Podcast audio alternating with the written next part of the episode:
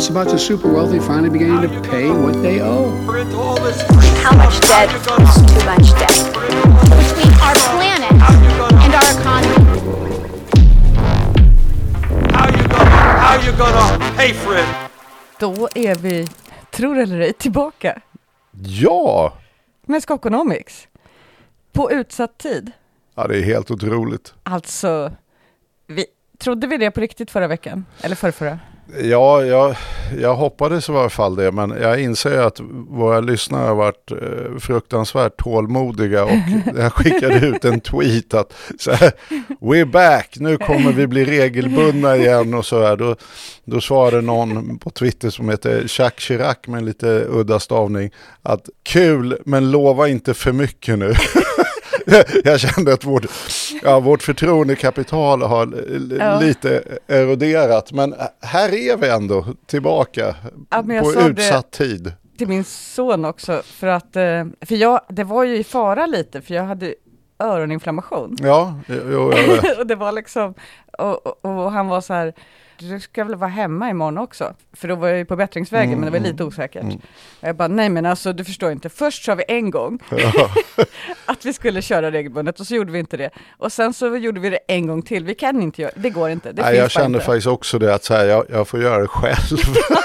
det här, ett avsnitt Ja. måste ut. Det är Sandro Scocco och Jenny Lindahl. Och ni får gissa vem som är vem. Mm. Grejen är att Sandro Scocco har gjort det igen.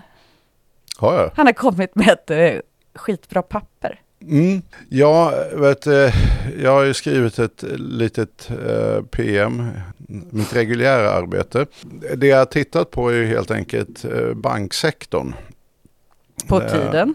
Vad sa du? På tiden att någon gjorde. Ja, lite grann faktiskt. Och det, det, det är så lustigt när man eh, ja, grottar ner sig i grejer. Därför jag har ju alltid drivit tesen att the devil lies in the details. Och det, är väl en sån här åkomma man har när man har varit i regeringskansliet. Så inser man att samhällsstyrning är lite avdelningen enigma-maskinen. Det är så här tusen rattar. Mm. Och så kan man skruva lite på de där rattarna och så blir utfallet eh, annorlunda. Mm. Eh, så man har liksom den bilden med sig att det här består, maskinen består av många rattar. Följdfråga på det. Ja. När du säger man vet det om man har varit i regeringskansliet. Skulle du säga att Nej, det här... det Det var, jag jag- tänkte väl att det kanske är mer du vet det för du har varit där. Ja, En kombination av en uppsättning erfarenheter och egenskaper som befinner sig på en viss plats i regeringskansliet vid en viss tid. ja, Eh, då kan man uppnå att man förstår rattarna. ja, exakt. rattarna. Och- Det lät fel. ja, Sorry. ja, ja, ja, är, att man förstår reglagen. Man förstår reglagen. Det, det där är rätt kul, för varje gång man börjar grotta i en fråga så, så upptäcker man plötsligt att eh, hoppsan, här har någonting hänt. Här har någon dragit i reglaget. Och det är ju väldigt sällan ett reglage som är så här, du vet, Ja, men det, den politiska debatten, tyvärr, Mm. handlar rätt ofta om eh, pseudofrågor närmast. Jag menar, det mest uppenbara exemplet nu är ju kärnkraft. Herregud. Vi har en europeisk elmarknad som inte fungerar, svenska elpriser skenar. Varje partiledardebatt och varje inslag om energi och el har mer eller mindre alltid landat i kärnkraft. Och att det ska byggas jättemycket kärnkraft jättesnabbt och det löser alla problem. Ja, vilket alla vet att det inte kommer göra. Mm. Eh, utan Eh, bara tillståndsprocesserna är ju 10-15 år. Va? Till och med regeringen när de lägger budget. vet ju vet det. Va? att Så de slänger iväg några miljoner. Det, det är just en sån här, det finns inget reglage här som är rimligt i förhållande till frågan. Mm. Och sen kan man göra någonting i smyg sådär, man, som det är noll debatt om. Mm. Därför det är liksom just en sån här detalj man skruvar på. Ja men som till exempel en grej som har varit uppe många gånger i podd, våran poddhistoria. Mm. Att den, det som du kallar för automatisk åtstramning. Mm, Alltså exakt. att man helt enkelt inte kompenserar Mm. för ökade kostnader och därmed så skär man i själva verket ner på välfärden. Fast det syns inte. Nej, och man eh, skaffar sig ett språkbruk som är, det är reformutrymme. Mm. Nej, det är nedskärningar i välfärden. Ja. Och så säger man så här, jo men nu är reformutrymmet slut och, och tekniskt är det ju i princip aldrig slut. Därför att du kan ju göra jättestora nedskärningar. Så att man hittar de här konstruktionerna som egentligen inte har med eh, liksom reglagen att göra. Och det där är ju också reglage. Så att, och det, och det liksom har en sån här stor indexdiskussion i partiledardebatten som naturligtvis är superviktigt. Det, Man kan säga så här, det är gigantiskt mycket viktigare än kärnkraftsdebatten. Vilket index borde vi använda? Det är en jättestor fråga, men som naturligtvis alla Den är aldrig tycker på är- några valaffischer. Nej, och den kommer aldrig komma upp i partiledardebatten. Den är inte ens på Twitter typ. Nej, men det är där politiken i praktiken bestäms. Yes. Det är reglagen och som är väldigt tekniska, inte så lätta att hitta och i praktiken nästan aldrig diskuteras. Du, du har zoomat in på ett... ehm, Reglage. Ja, för mig i alla fall förändrar ju det hela förutsättningarna kring hur man tänker kring det är självklart att det gör det, Mm. eftersom många av de sakerna kan jag inte tänka ut själv. Då hör jag bara vad folk säger Mm. och sen så utgår jag från det och sen så kan jag tänka ut massa saker inom de ramarna. Mm. Men att förändra de ramarna gör ju att man kan tänka helt annat. Det är därför som jag verkligen uppskattar avsnitten när du har kommit på något nytt, för då, då byggs ramarna om lite grann. Ja, men lite så, så blir ju världen lite mer sådär enkel och rationell när man hittar det där. Jaha, det var där man pillade i maskinen. Ja, Okej, då fattar jag. Och här finns det just den här skillnaden i det här exemplet nu som då kommer att handla om banker. Eh, Det här avsnittet, eh, det är alltid du som vet, eh, namnger alla våra avsnitt. Men det stora bankrånet är väl kanske inte en så dum Det är titel. utmärkt. Du har ju, du har ju namngett vårt bästa eh, avsnittsnamn. För som jag sa, eller riskrisen var jag som namngav själva avsnittet. Det var ett bra avsnittsnamn, men Dolkstötslegendens comeback var inte dumt heller. Ja, det den var du som- Det var jag, det var, det, den får jag ta på mig. Men normalt. Eh, och Sen har Po Tidholm namngivit ett avsnitt som heter Allas värsta mardröm, 90 minuter om kommunal och skatteutjämning. vilket är typ Det var en av våra mest... Ja, vilket, vilket säger en hel del. Och det handlar ju verkligen om reglage i Ja, systemet. Eh, Exakt. Eh, Vi skulle väl börja här i ostkrisen lite också, förra avsnittet. Ja, därför att det, det som är problemet idag det är att vi har det här narrativet som var uppe nu i ostkrisen. Det vill säga att Det, det är ett bra namn också. Det är också ett bra namn, men det, ja, det är Jenny. Nu har vi en berättelse som eh, många prånglar ut. Och det är ju helt enkelt att vet, du, vi har haft två jättestora störningar eh, som vi var inne på förra gången då det här med liksom covid och sen anfallskriget eller Rysslands anfallskrig mot Ukraina. Och det där har ställt till det ekonomin och nu är efterfrågan för hög och löntagarna måste hacka i så att livet är inte så roligt som man eh, trodde att det var och nu ska vi vara elaka och dumma mot dem. Och det går ju liksom under den här politiska devisen då som den nuvarande regeringen lanserar under du, epitetet bit ihop. Mm. Eh, Det du visade i förra avsnittet var ju att eh, osten kostar alltså 250 kronor kilot av helt andra anledningar, därför att de här faktorerna är borta. Ja. Och nu är det bara ett för stort vinstuttag som är orsaken i företagen. Och att eh, i morse kollade jag på Nyhetsmorgon, eh, för igår kom ju Finanspolitiska Mm. rådet med en rapport. Då satt ju han och sa precis det. Ja, och det är, ju, det är en korrekt bedömning. Och det, det roliga är ju nu att ECB har ju också kommit med sådana rapporter. Och, men då måste det här narrativet nu liksom in i, som jag tog upp förra gången också, att det måste liksom, det här är ju inte rätt, så här ska det inte Nej. kunna se ut. Men då hittar de på massa ytterligare konstiga förklaringar och sen så nu gick ju ECB ut och sa, vilket baklänges blir ju precis det vi sa i förra avsnittet. Nej men vi, vi, vi hoppas ju eller ser eller prognostiserar slash att vinsterna kommer gå ner och därmed kommer inflationen att gå ner. Menade du är ECB, CB. Alltså, eh, alltså Europeiska centralbanken. Eh, och, och det är ju liksom att säga baklänges, nej den här inflationen är vinstdriven därför att mm, vi hoppas verkligen att vinsterna går ner nu. Mm. Eh, och, och det där är ju då ett case som jag tycker är fantastiskt mycket viktigare. Och då påpekade vi då i förra avsnittet att det här är ju strukturproblem. Och strukturproblem ligger på regeringen. Eh, Att ordna upp så att marknader inte kan ta ut övervinster, det är strukturpolitik, det är någonting re- Penningpolitiken är ju som en gigantisk slägga, den ska liksom bara ta ner efterfrågan allmänt. Liksom. Och jobbar ju, de har ju dessutom inga sådana verktyg, de har ju, de har ju bara med, ja, nu har det varit lite svajigt på sista tiden, men i princip bara ett reglage, det är ju räntan upp och ner. Sen har de lekt lite med konstiga eller oortodoxa metoder som kvantitativ is och så vidare. va. Men i princip. Eh, så att det här är ju väldigt tydligt regeringens ansvar. Eh, Han var rolig han, ordförande i Finanspolitiska rådet i morse i Nyhetsmorgon, för han, han var liksom så nedtonad.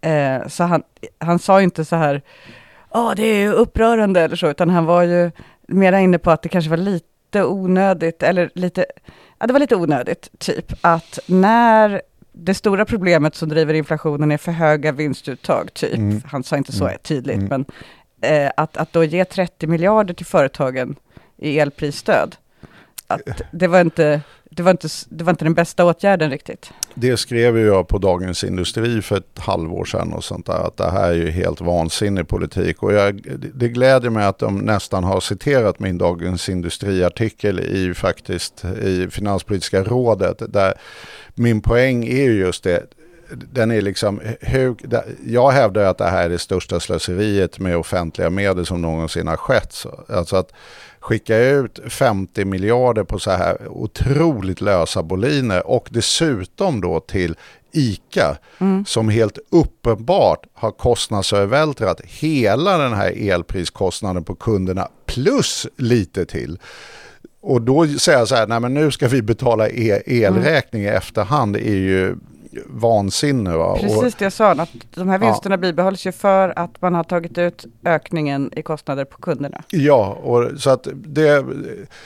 Jag hade inte förväntat mig, om jag ska vara helt ärlig, stöd från Finanspolitiska rådet. För de brukar också hitta på sådana här lite märkliga Det ibland. var ett enhälligt stöd för din tes. Ja, det är väldigt kul faktiskt. Eller enhälligt vet jag inte, men det var ett entydigt. Ja, men Heiken är rätt trevlig. Ja, jag gillade Eh, honom. Jag har inte, han har varit utanför min radar. Jaha, nej men han har ju varit eh, vice riksbankschef och riksbankschef och kommer ursprungligen från finansen och vi har ju stött på varandra ett antal gånger. Och, eh, ja, nej men han är, en, han är en trevlig och bra person. Han hade ett speciellt sätt att prata också. Ja, men han är ju verkligen sådär ordentlig. Ja, komprimerad och nedtonad Ja. och lite exakt men samtidigt inte Ja. på ett... eh, Ja, men, ja, Skickligt ja, men han sätt. är sympatisk. Eh, betydligt bättre än många andra ordförande där på Finanspolitiska rådets historia. Men det behöver vi inte gå in på det. Ostkrisen bekräftad, det kan vi konstatera. Ja, och då är ju vårt spår här att här görs det väldigt stora övervinster som driver inflation. Eh, och då höll jag på att pula lite med det här. Precis. Vänsterpartiet gjorde ett utspel eh, Exakt. Ja, eh, igår från när vi spelar in nu. Ja, och, vet och det handlade ju om SBAB och banksektorn och övervinsterna. Och då ska man ju veta det att en fjärdedel ungefär utav all inflation vi har nu i ekonomin mätt som då KPI, så som vi mäter inflation, alltså konsumentprisindex. Den kommer ju ifrån ökade räntekostnader i praktiken för boende. Att här är det ju också så här, vil- vilka är det som prånglar ut den här berättelsen om hur världen fungerar idag? Jo, det är ju bankekonomer. Och, och då ska man ju veta det att, nu kan inte jag säga att alla banker har gjort det, men jag vet ju att redan för ja, vad är det, 15 10-15 år sedan så ansågs ju bankekonomerna, de var så här, vi håller på lite med vår grej sådär va. Men de är ju nu inflyttade under marknadsavdelningarna oftast eh, strukturellt hos bankerna. Ja, för att de är kommunikation mest. De är kommunikation och ska sälja, liksom, genom att synas ska de sälja bankens produkter helt enkelt. Just det. Eh, och då frågar vi dem, eh, är det här rimligt med de här bankvinsterna? Bara, absolut. Mm, det brukar de säga. ja, exakt. Och det, det är väl inte jättekonstigt, därför annars får de ju faktiskt, om man ska vara helt ärlig, sparken. Så enkelt är det ju. Mm. Skulle någon chefsekonom på någon stor bank gå ut och säga det här är ju för jävligt med de här stora bankvinsterna så skulle de nog inte vara kvar så många veckor efter det. Så hård är världen ibland. Mm. Eh, så att vi har ju den här, nej men det är naturligt och det beror på det stigande ränteläget och vi förstår att hushållen har det jobbigt. Och sen har vi ju Jens Henriksson på Swedbank som tar det här till helt absurda nivåer skulle jag ändå hävda. Eh, att det är jättebra för alla och hela samhället att vi gör gigantiska vinster. Okej. För att, Därför han kontrasterar det mot en finanskris där alla banker går i konkurs. Och ja det vore ju sämre. Det vore så där har han onekligen en poäng. Om man va? måste välja ja. något av de två. Men om man måste välja något av de två, då är det ju bättre att de gör jättestora Ja. övervinster. Därför att bankkriser och att de har gjort bort sig och tagit alldeles för mycket risk. Tyvärr så är det ju ett fenomen i banksektorn att vi privatiserar vinsterna och socialiserar förlusterna. Jag Liksom. föreställer mig dock att om de tar för mycket risk så gör de det för att de hoppas göra vinst.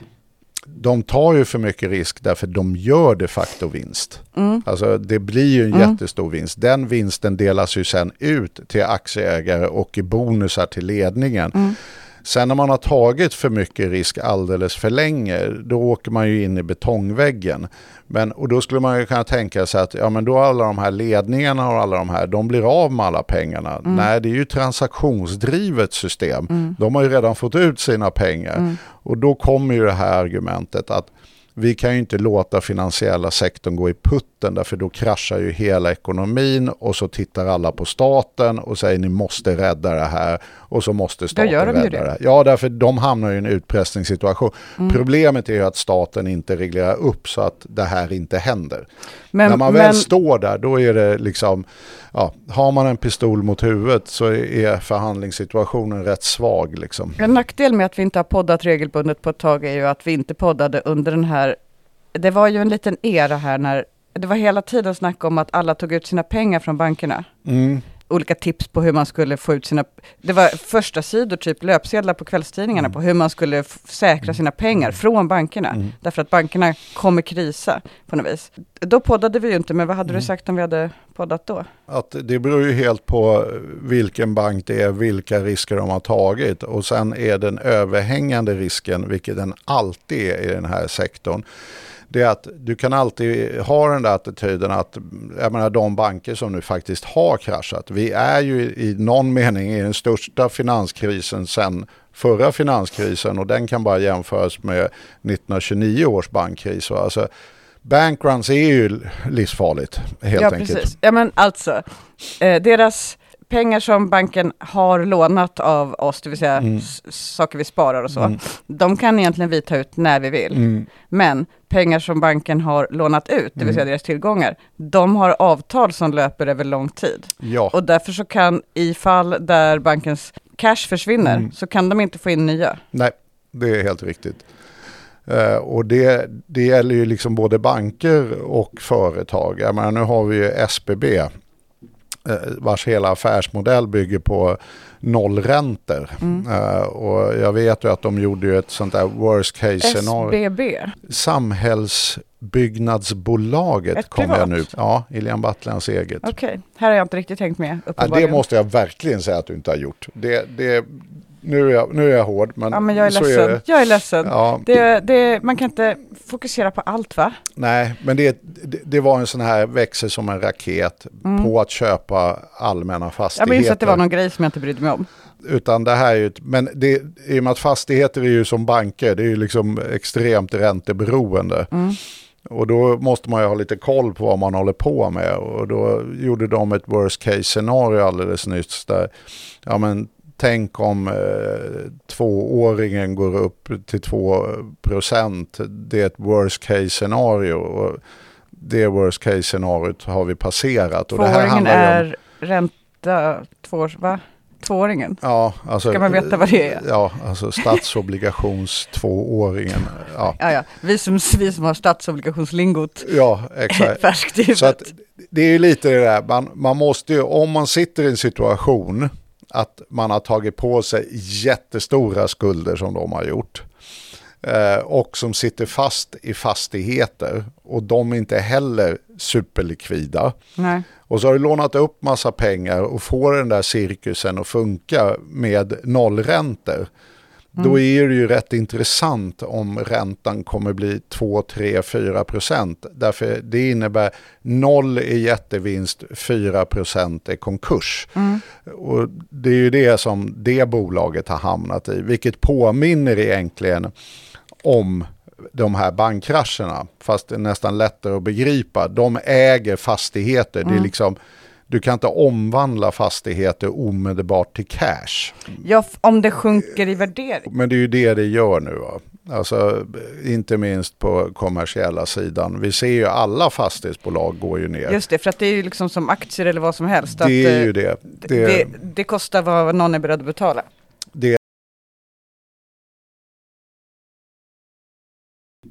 det är, vi, vi har inte reglerat upp enligt min mening banksektorn i tillräckligt hög grad. Vi sitter med en extremt instabil och volatil banksektor som går jättebra när allt annat går jättebra och när allting annat går jättedåligt så går de ännu sämre. Och, och det kan man ju liksom leva med lite grann om det är så att det handlar om en eh, mikrovågstillverkare eller mikrovåg, mikrougn heter. Problemet är att vi kan inte leva med att hela finansiella sektorn går i konkurs. Därför då har vi liksom inga betalningssystem. Bankomaterna slutar fungera, kreditkortet slutar. Alltså det, det är liksom en kollaps Ja. som inte vi kan acceptera. Och när Nej, man så väl... vi kommer fixa det. Om, om så sker så kommer staten gå in. Alltid. Mm. Det, det, och, och då är det ju liksom, då blir det lätt en diskussion, varför ska ni rädda dem igen? Och det blir det alltid. Mm. Kruxet är när man står där så är det väldigt svårt att göra någonting annat. Men då kan vi väl ta lite tips från Jens Henriksson. För att man kan ju resonera likadant kring bankerna. Då kan man säga så här till bankerna. Nej, ni kan inte göra sådana här vinster nu. För att vi behöver liksom bygga lite buffertar här i staten och så vidare. Och, och konsumenterna behöver göra det. För när ni kraschar, då måste vi hjälpa till. Det är ju det man delvis har gjort med vissa sådana här försäkringssystem nu som finns. Men det, det är ju aldrig tillräckligt därför det är sådana enorma rörelser när det väl går åt skogen. Eh, och det, det som är dumt med Jens argument det är ju helt enkelt att jo men de här pengarna delar ni ju ut. Mm, exakt. Eh, Så att vi sitter med den här instabila och det- alla tror ju, det är det som är så konstigt i och med att förtroende är så otroligt viktigt i finansiella sektorn. Utan det dör den typ omedelbart. Så märker man ju att alla säger ju alltid att allting är jättebra. Tills det går åt helvete. Därför att om man säger det innan det går åt helvete, då hjälper man ju till att det går åt helvete. va? Mm, Den finansiella sektorn består förvånansvärt mycket av ord jämfört med siffror. Ja, konstigt nog. Men nu till exempel, det är ju bara att titta på de sto- två stora schweiziska bankerna. De, de, det är två jättestora, har du bommat min- det också? Din min är liksom så här typ, det här är självklart att man ska kunna förstå vad du menar. Men ja, ja jag har bommat det också. Ja, de, två stora som tydligen enligt medierapporteringen har så här huvudkontor mitt emot varandra via ett flott torg däremellan. Va? Som har varit konkurrenter i Schweiz. Alltså jämför det med vår motsvarighet till Handelsbanken, SE-banken typ. Så där. Fast det är de som verkligen bara finns. Så att vi har ju ändå fyra storbanker, vilket vi kommer återkomma till. Att här har vi de här två storbankerna. Men den ena blev ju nu övertagen av den andra och tvingad till det utav den schweiziska regeringen. Därför den höll på att helt tappa förtroende på marknaden. Så den blödde just kapital. Allt- Hur tvingade de den? Ja, det, det är nog ett avsnitt i sig. Vi tar, Men- det blir jättekul. men- Schweizerostkrisen. Ja, och den, den är ju värd en liten, ett litet stycke tycker jag nog faktiskt. Vi kan nog ta den krisen eh, längre Och jag fram. ber om ursäkt för att jag eh, ty- tydligen är så trög att jag inte hängt med i stora ekonomiska händelser här. Jag har jobbat med helt andra saker bara. Ja, okej. Ja, men, nej, men det är, så att eh, nu finns det en stor bank Mm. i Schweiz. Eh, och det gick väldigt fort. Alltså då var det, det liksom tonläget är ju från så här torsdag, vi har inga problem till eh, lördag, banken är övertagen utav den andra banken. Wow. Det, det går fort. Och allt det missade jag. Ja, Men med ett sånt kort förlopp kan man ju förlåta mig. ja exakt. Då, det räcker med att man zonar ut i några Ja, dagar. och det, det är lite det här. Så att ja, det- det är trevligt att ha en banksektor som fungerar något sånär väl. Det är väldigt trevligt med en banksektor som inte tar jättestora risker och det är en trevlig banksektor som har anständiga vinstnivåer. Eh, nu när vi har en privat banksektor så vill vi ändå att den ska vara så stabil som möjligt. Nu kan man ju bli orolig i Sverige till exempel. Förra gången så utlöstes ju den svenska bankkrisen utav att banker hade lånat ut fantastiskt mycket pengar till eh, kommersiella fastigheter och fastighetsbolag. Mm. Det var ju det du var inne på nu. Ja, och det har de gjort den här gången också. Men hur Och- skulle man inte göra det? Eller jag menar, Nej, men det handlar ju om risk igen. Va? Därför att ju mer de här liksom kan låna billiga pengar, ju mer expanderar de och ju mer blir ju kraschen när det väl vänder. Man, som man tänker att det borde finnas en försiktighet eller en högre ränta eller så när det gäller kommersiella fastigheter. Ja, och någon form av reglering av utlåningen och, som är hårdare som gör att de här bubble and bust, alltså det är som George Soros sa, liksom den stora gigantiska spekulanten, att eh, när alla var så här, bubblor är så jobbigt och trist och så vidare. Och han sa det finns inget roligare än bubblor. och, det, och det har han ju helt rätt i. Va? Att medan bubblan byggs upp så mår ju alla jättebra och tycker att det är hur kul som helst. Och alla tycker dessutom att det är helt rimligt att priset tokskenar på allting. Va? Utan det är ju baksmällan som är jobbig. Vi föreställer oss liksom att det som har hänt här är att jag eh, känner mig inspirerad, eh, tar upp fram en affärsplan, startar ett bolag, knatar in på en bank och säger jag tänker mig att gamla Cementafabriken vid Liljeholmen den ska bli en konst möter tech, möter nyheter, möter eh, kultur eh, och eh, här är planen och så vidare. Det, jag vill köpa den för eh, 200 miljoner, inte vet jag. Och de bara absolut, Mm. Det, det det är så det har gått till. typ så det har gått till. Och det, Jag skulle passat på. Ja, och det har ju lite med den här liksom extrema räntemiljön vi har varit i. Mm. Att, jag menar, är pengar gratis? Det, det talade vi ju om Mm. eh, liksom något annat Ja, avsnitt. visst, varför inte köpa Cementafabriken eller något? Ja, för att, eh, varför, ja, varför Ja, inte? men, s- så länge pengar är gratis. Kanske är billigare än en hyreslägenhet.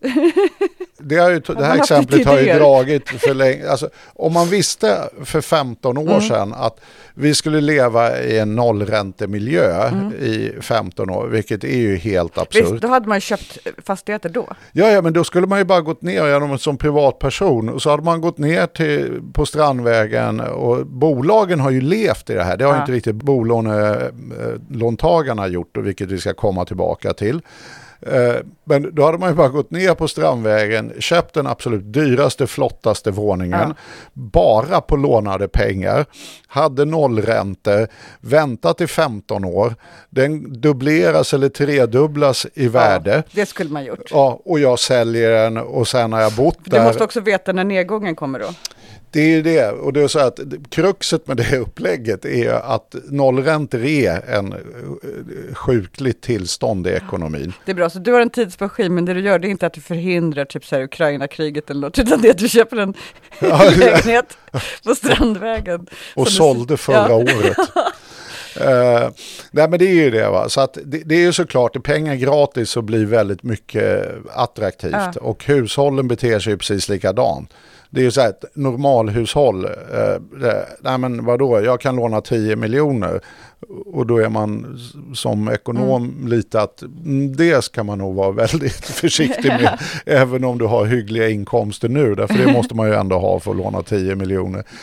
Så att det, det, det finns någonting som, det blir sjuka beteenden. Ja. Och inte minst blir det ju det naturligtvis på kommersiella fastigheter. Och det skulle jag säga framöver nu fortsatt är en rätt betydande risk. Jag menar om du tittar på Oscar Properties eh, som är en bostadsutvecklare. De byggde de här jätteflotta husen och så vidare va, i Stockholm och på andra ställen tror jag också. Eh, Och var ju en börsraket sådär. Va? Wow vad det går bra för dem. Därför de, alla marknader, markpriser steg ju och bostadspriser steg ju. Och då kunde ju de alltid sälja för fantastiskt mycket pengar jämfört med när de köpte och startade projektet så, så är det två år senare. Så att De gick ju superbra och sen vänder marknaden lite så är det ett sånt där företag som går då superdåligt därför alla liksom, funktioner som genererade vinst går nu precis rakt motsatt riktning. Ja. Och deras aktievärde, är, vilket jag tycker inte kanske man har påpekat därför jag begriper knappt hur det fungerar, har förlorat 99,8 procent i värde. Otroligt mycket. Det får man nog ändå säga. Det måste vara värre än Telia-aktien till och med. Ja, och det är lite den här, så när någon var elak och sa att om man hade köpt bärs för pengarna eh, och sen istället pantat flaskorna så hade man gjort en bättre affär än med Ericsson-aktien på när det begav sig. Och det, det här är ju väldigt, och det här är ju likadant med SBB som vi nu talade om tidigare. De är nere på 6 kronor nu när jag tittade sist igår. Va? Och det, det är inte mycket kvar av den aktiekursen helt enkelt. Så att så att det, det vi har nu det är att vi sitter med de här bankerna och nu har vi ändå sagt att bankerna ska givet det system vi har göra liksom normala vinster, helst ha liten risk och allt det där. Allt det där behöver vi nog se över.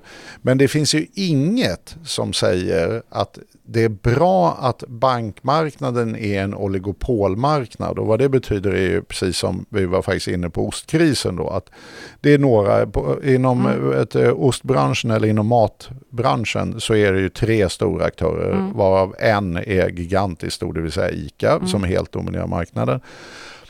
Och i bankvärlden så har vi fyra. Eh, Och de ägnar sig åt det här som kallas då strategisk interaktion, det vill säga att de kan följa varandra. Det är inte konkurrens på riktigt, utan det är så här, om du inte sänker boräntorna så gör inte jag heller det. Och sen får man tänka då att gemensamt för dem är att ingen egentligen vill sänka boräntorna. Därför att då får man ju helt enkelt mycket större vinst. Eh, Jag försökte tänka vilka fyra, alltså Nordea, Swedbank, SEB ja, och eh, Handelsbanken. Eller? ja. Ja. Det är de som är Ja. de, de biggisar. Där har jag hängt med i alla fall. Ja. Och sen då, de är ju liksom våra storbanker. Ja. Och numera är ju Nordea inte vår storbank, vilket gör det lite förvirrat ibland när man tittar på datat. Den är då- finsk va? Ja, då Just har vi, det, det hade jag vi, nästan glömt. Då har vi plö- plötsligt Det var en bara... helt sjuk grej. Kan visa sig vara en bra grej om ett tag, men det får vi se hur bra och dåligt det går. Men det gör ju nämligen att det är finska staten som står för ansvaret om det spårar Ja, det kan ju ur. vara bra för oss. Det kan vara bra för oss.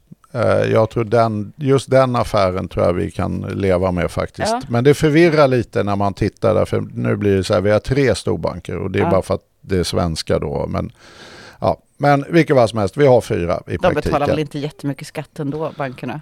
Nej, nej, det där Kan tror jag. kan Framförallt i förhållande till risken så är jag faktiskt villig att leva med det. Mm. Eh, så att nu, nu har vi de här storbankerna Mm. och den stora grejen för banker det är det så kallade räntenettot. Mm. Eh, att vad tjänar jag på min eh, utlåning Mm. och vad tjänar jag eller betalar jag Mm. för min inlåning. Och då kan man ju titta på, okej vad, vad tjänar bankerna då på att ta den här lilla risken?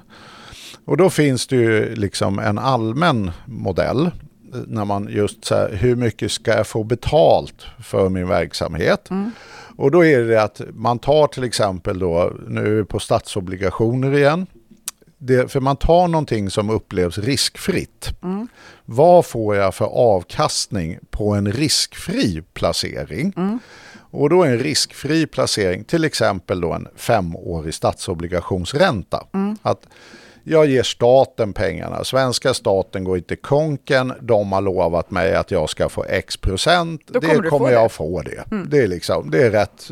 Och de, då brukar det vara lite mindre eh, vinst så att säga på det än, än på riskfyllda placeringar.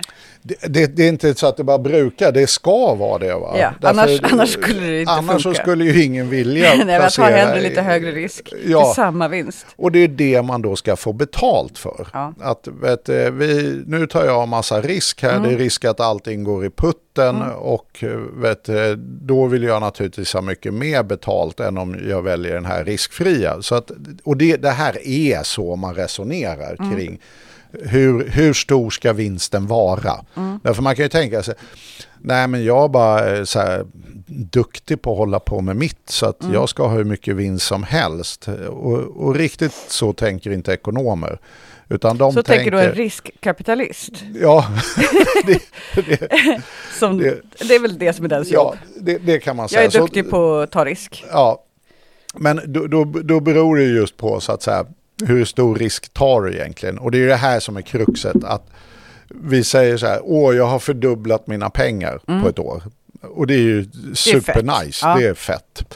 Eh, och särskilt i no, liksom, om du tänker att du är i nollräntemiljö, att den här riskfria avkastningen är noll, vilket ändå inte är normalfallet, men låt oss anta det nu då, vilket den har varit väldigt länge. Så att få 100% ränta på din investering är ju noll. superfett. Ja. Ja, ja, det är ju verkligen fett. Noll eller hundra? Ja, eh, och det som blir missförståndet i sådana här situationer är ju det att den där hundringen inte speglar risk. Att man tänker att det är liksom, Man tänker så här, jag kan sätta det det är på... bara en- smartare placering. Exakt, va? jag är bara listig, I'm Mm. beating the system. Men den kan ju bli minus 100 procent då. Ja, det vill säga noll va.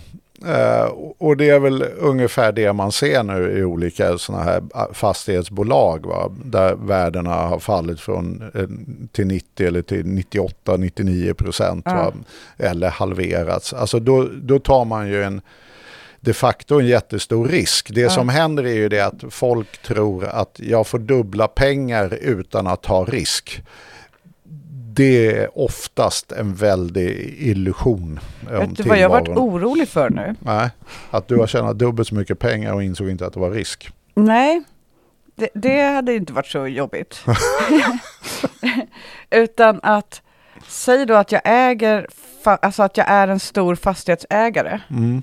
Det byggbolag är inte samma som fastighetsbolag, men Mm. fastighetsbolagen som äger är väl de som liksom beställer ofta, antar jag. Det är- Eh, och då, då känner jag, då har ju jag nu ett incitament att stoppa allt byggande. Wow, ja! Nu, nu deducerade du fram den faktiska utvecklingen som vi ser nu. Ja, Det är exakt det som händer. det är rimligt då. Annars, annars, hur ska jag annars öka värdet på det jag äger? Ja, det, är- det, är- och det är ju precis det vi ser nu. Och det är precis det, vi närmast- inte behöver. Det är precis det vi inte behöver. Därför vi har nämligen redan nu bostadskris. Enorm ju. Ja, så att de här slagen får ju väldigt stora också reala effekter. Det är inte bara, det, det är lite som är lite kruxet med finansiella Mm. sektorn, att den leker ju oftast bara pengar på pengar, men när den där leken spårar ur, då får det plötsligt så här riktiga effekter på de som ska bygga någonting vi faktiskt behöver. Och just nu det här fenomenet som vi nu pratar om med risk eh, och där man har tagit alldeles för stor risk i fastighetssektorn och levt på att gud vad kul det är därför värdena stiger hela tiden. Och det kommer de ju göra all evighet för det har de ju gjort i 20 år. Va? Och då, då hamnar vi i det här att när baksmällan kommer då slutar man bygga. Det har ju inte förändrat befolkningssammansättningen överhuvudtaget. Och det som vi har sett På de sikt senare... kanske. Ja, på det värsta är att det kan nog faktiskt Ja. stämma på sikt, men inte tillräckligt mycket på sikt heller. Utan det vi har sett de senaste 20-30 åren, det är att vi har sådana här bubble and bust på liksom byggsidan. Som hänger ihop med finansiella sektorns beteende. Men att den här bubble and bust-kurvan, därför att då kommer vi plötsligt upp till ett byggande som är tillräckligt. Men sen så kraschar det och nu är vi inne i kraschen av Det, hade ju, bostadsbyggande. det såg ju bra ut lite ett tag, att Det- det, var på G. Exakt, ja, men, och det här, det här upprepar vi hela tiden. Ja, Kruxet med det där, det är att när det går upp och så går det ner och så går det Ja. upp och så går det ner. Då, då skulle ju en sån här marknadsapologet eller liksom någon som älskar fri marknad säga att ja men det där det är väl inga problem, det är ju bara naturliga anpassningar till marknaden och svängningar. Eh, alltså att det, det, det är ju en arbetsmarknad som försvinner, som behöver kvalificerad arbetskraft. Eh, och det är det här som har skapat ja, det har skapat enorma problem under lång tid i byggbranschen. Fast problemet är faktiskt, jag håller helt med dig, så är det ju. Men det, problemet är ännu större än så. Ja. Därför den här bubble and bust-kurvan hamnar alltid långt under behovskurvan. Om du tänker att du Ja. har en linje, alltså vi är ändå 10,5 miljoner människor nu, det är en rätt kraftig ökning de senaste 30 åren. Va? Så att om du tänker då så här, ja men folk måste ändå ha någonstans att bo. Det är ju rimligt att befolkningen har någonstans att bo. Så Vi är bubbelfas, ja, så att vi, som inte är någon bubbel, för folk behöver ju någonstans att bo. det är precis att bygga i takt med befolkningen är ingen bubble, utan det är ju finansiella sektorn som vanligt skapar bubbles. Så att då har vi en kurva och så tänker ni sån här diagram. Och Ja. så tänker ni för enkelhet, det skulle bara en rak kurva som går uppåt sådär med en lagom takt. Så här. Från nedre vänstra upp till hög, övre hö, högra hörnet. Ja, så går det en sån här snygg kurva. Det här behöver vi bygga. Mm. Och så tänker jag att om, om kurvan liksom som är den riktiga snurrade runt den där raka linjen. Mm. Som och någon gick- slags EKG med arytmi. Exakt, va? att det gick upp och så gick den långt över kurvan och så kraschade den ner långt under kurvan och så upp över kurvan och så höll den på. Då, då skulle man ju dra i huvudsak ditt argument att ett, det här är inte bra för stabiliteten i ekonomin, det här är inte bra för kompetensförsörjningen i, i sektorn, det här är inte bra för vet, du, upprätthålla vet, du, stabiliteten i överkonjunkturcykler och jäda jäda. Va? Då har man massa argument. Alltså, då ska man ändå säga att det, Visst. det här, vårt det här and Det blir bostäder på något sätt, men det blir Precis. inte på bästa sätt. Det är inte särskilt lyckat ändå va? Nej. Men så är det tydligen inte När du då tar den här EKG-kurvan Ja. du nu så vackert döpte den till och så lägger du den under den andra kurvan. då. Ja. Då har du ett riktigt allvarligt problem. Då blir det ju en medelkurva så att säga som är jättemycket lägre. Exakt, därför skulle du då dra den här medelkurvan så att EKG blir rakt, Ja. då ser du plötsligt att det är massa människor som saknar bostäder. Ja, och det är det ju också. Det är det också. Och när vi går in i den här nu, tvärstoppet som händer nu, då är vi redan i en bostadsbrist. Därför den sista bubbelperioden som vi hade, den lyckades inte ens bygga bort bo- den bostadsbrist vi gick in med efter förra basten. Och det är det här som jag skulle hävda är ett enormt långsiktigt problem. Det låter ju som att den här eh, EKG-kurvans, eh, om den är rak då, Mm. att den snarare liksom eh, lutar lite, den här har också en annan vinkel, en helt annan vinkel, så att det liksom blir större och större skillnad mellan behov och, eh, Det är det som är kruxet. eller ja, det måste ju ha en annan vinkel om den börjar på samma, ja, ja, strunt samma. Ja, och, och då blir det ju det här, nu kommer vi lite off topic, Ja. men det här är ju ändå intressant. Nej, men då kan man säga så här, nej men det är ju bara för att marknaden inte fungerar. Det är därför att vi har i praktiken fackföreningar på vet, eh, bostadssidan, det vill säga Hyresgästföreningen som förhandlar och så vidare. Va? Det, det, det du skulle göra med marknadshyror, det är att ytterligare förstärka detta Det är bust-beteende. rätt uppenbart. Ja, vilket gör att det är även vansinnigt ur ett så här långsiktigt perspektiv. Därför den EKG skulle bara flippa ännu mer. Alltså Hyresgästföreningen och förhandlingssystemet och allt det måste ju ändå verkligen jämna ut den där lite grann. Ja, den gör ju det. Och det är det folk då, vi blir ju ett safe haven när, när det är sådana här kriser. Därför att det ser ju andra internationella placerare på fastighetsmarknaden. De ser ju att, jo jo, men ett, du får inga vakanser. Nej. Alltså folk försvinner inte från sina bostäder när det blir liksom bastperioder. Eh, Och dessutom så fortsätter de att få sina hyror och lite ökningar. Ja. Så att hela systemet gör ju just att hyresutvecklingen är tvärtom väldigt stabil och trygg för fastighetsägarna. Absolut. Så att det, det är lite den där kruxet. Utan nu handlar ju det bara om att efter man har avreglerat mer och mer och staten har dragit sig tillbaka så har ju den här bristen uppstått. Det gör ju att fastighetsägarna är, är ju nu giriga på kort sikt. Så man vill ju casha in bristen. Ja. Eh, därför brist leder ju alltid till högre priser. Men i grunden är ju problemet det. Har vi brist på bostäder så måste den bristen på något sätt fördelas. Ja. Antingen fördelas den då efter, rent efter plånbok. Då kommer vi ju få det att barnfamiljer med medellåg, låga inkomster kommer bo i tvåor. Tänk vad vi alla saknat att du säger plånbok. Ja, ja just det, det är det du mobbar mig för. Det gör alla. Ja, det gör jag. Ja, förlåt. Uh, nej, så att det här är ju... Men nog om bostadsmarknaden kanske. Ja, men, för reglagen ju. mm, Vart ligger de? För det är ändå kopplat det är det därför det vi egentligen är inne på nu, det är ju det liksom att nu är vi förvisso inne i den här bastperioden eller byggandet. Nu fick man ju deraila där. Det vi egentligen handlade om var ju räntorna. Ja. Och att det som bankerna då skär emellan när de lånar ut till bostäder och det som är bolånemarginalen som Finansinspektionen beräknar.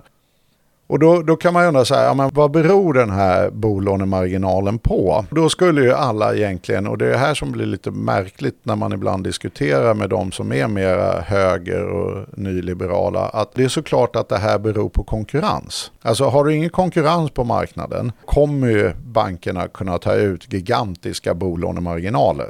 Därför det är så här, vill du låna pengar, kom till mig, det finns ingen annan som lånar ut. Eh, Då har man en monopolsituation. Liksom. ja, varför har vi ingen konkurrens? Varför startar inte du och jag en bank som är bättre? Därför att bankverksamhet är sjukt komplext och reglerat och det är mycket nationell reglering. Man talar ju om entry och exit på marknaden. Om man gör övervinster i en sektor, det vill säga, ja, jag vet inte, men vi producerar någonting.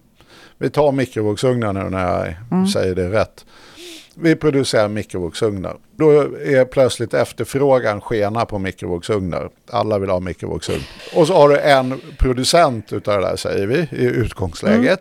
Då kommer ju den här producenten i och med att efterfrågan är större än vad utbudet är. Han har bara en fabrik där va? och alla de här vill ha det och då kommer ju marknadskrafterna driva upp priset ut bara helvete i och med att wow, jag vill ha mikrovågsugn. Så till slut kostar en mikrovågsugn eh, 40 000. Därför det helt enkelt är brist på dem. Va? Handlas på svarta börsen och såna här grejer. Någon står nere på Sergels torg och har en mikrovågsugn liksom. och det är en bra bild ändå. Eh, och och då, då hamnar vi i den här situationen. Och då ska ju marknaden fungera på så här att andra ser då att titta vad de här gör gigantiska övervinster. Så nu hoppar jag in här och börjar bygga mikrovågsugnar och tekniken är inte särskilt komplicerad. Jag behöver lite plåt och lite grejer och sen behöver jag en lokal och så behöver jag lite arbetskraft och den är inte jätteknepig eh, att få tag på Det är för förvånansvärt basic mekaniken i mikrovågsugn. Ja, det är ju Man det. tror ju att det är, ja, Ja. men det är ganska basic. det var mer än vad jag visste, men jag ut, bara, i mitt exempel som är väldigt teoretiskt utgick jag ifrån att det inte är jätte... Till exempel, vet du varför det är ett litet nät i glasrutan? Det trodde jag var fläkten. Det är ett litet nät därför att mikrovågorna kan inte komma ut genom det. Det är, bara, det är ett nät här. Ja. Det är väldigt basic. Du gjorde, du gjorde här rörelser. Nej, det är ett nät här, som om, som om de var levande. Sådär. De, Ja. de springer runt där, mikrovågorna är så här, nej, det är ett nät här. Men, Men det är liksom så himla stora hål i de där näten och mikrovågorna kan ändå inte komma ut. okej, absolut ingen aning. Men om vi nu... Annat avsnitt. Annat avsnitt. Men om vi, om vi bara tänker oss att det ändå är rätt grundläggande teknik. Ja. Det är inte så svårt Man att komma kan in. starta det. Ja, man kan helt enkelt starta det. Det skulle vi kunna göra snabbare än starta en bank. Ja, och då är det så kallad låg entry-kostnad på marknaden. Så då kommer alla som är sugna på de här övervinsterna komma in på den här marknaden och till slut så har man tusen mikrougnsleverantörer och så faller priset kraftigt tillbaka och då faller ju de här övervinsterna som det första bolaget har gjort försvinner ju. Och så kommer man i ett sånt där normalt vinstläge vilket blir då den riskfria avkastningen plus den risk du tar. Och då blir ju det dramatiskt mycket mindre. Då kanske det blir så här, risken är 5%, den riskfria avkastningen är 2, då ska vi ha en vinst på 7% på eget kapital. Och det bygger på att du och jag startar ett sånt företag och börjar göra mikro. Exakt, och det är då billig entry. Det är lätt att komma in på den här marknaden marknader som har väldigt hög entry av olika skäl. Det kan ju till exempel vara matvarumarknaden. Där har du ju en grossist som till exempel då ICA äger så att de samordnar alla inköp och sen har de tusentals affärer. Om du tänker, nu ska jag bli nya ICA, då ska jag öppna tusentals affärer och den här grossisten för att konkurrera ut ICA. Det är en rätt jobbig manöver, särskilt när de har lokal prissättning. Så etablerar sig någon konkurrent bredvid, då kan de genast bara sänka i den butiken. Mm. Vilket gör att den butiken går ju lite sämre. Men ICA går ju fortfarande som tåget. Mm. Det är en extremt hög helt enkelt entrykostnad mm. på det. Banker är precis likadant. Att det krävs så mycket infrastruktur, kompetens och så vidare. Att livet är inte riktigt så där enkelt att nu ser jag att bank, svenska banker gör övervinster. Så nu hoppar jag till Sverige och börjar bedriva bankverksamhet och konkurrera ut de här bankerna som finns här. Jag förstår ju liksom principen, men varför, om du har jättemycket pengar, Mm. Och förstår dig på sånt här? Du kanske redan äger en bank i ett annat land? Det är ju det man skulle säga 99 eller 100 procent ja. av fallen gör. Du äger Santander Bank till exempel. Mm. Och visst, det är hög entrykostnad, men det låter ju ändå som att det är ganska, här, ganska säker eh, utdelning på den. Det skulle inte jag alls säga därför att i, i och med att du har de här bankerna i Sverige så ett så kan de ju alltid motagera på dig. Du kommer ju behöva göra stora investeringar. Men då anmäler jag dem till EU-domstolen eller något? Ja, precis.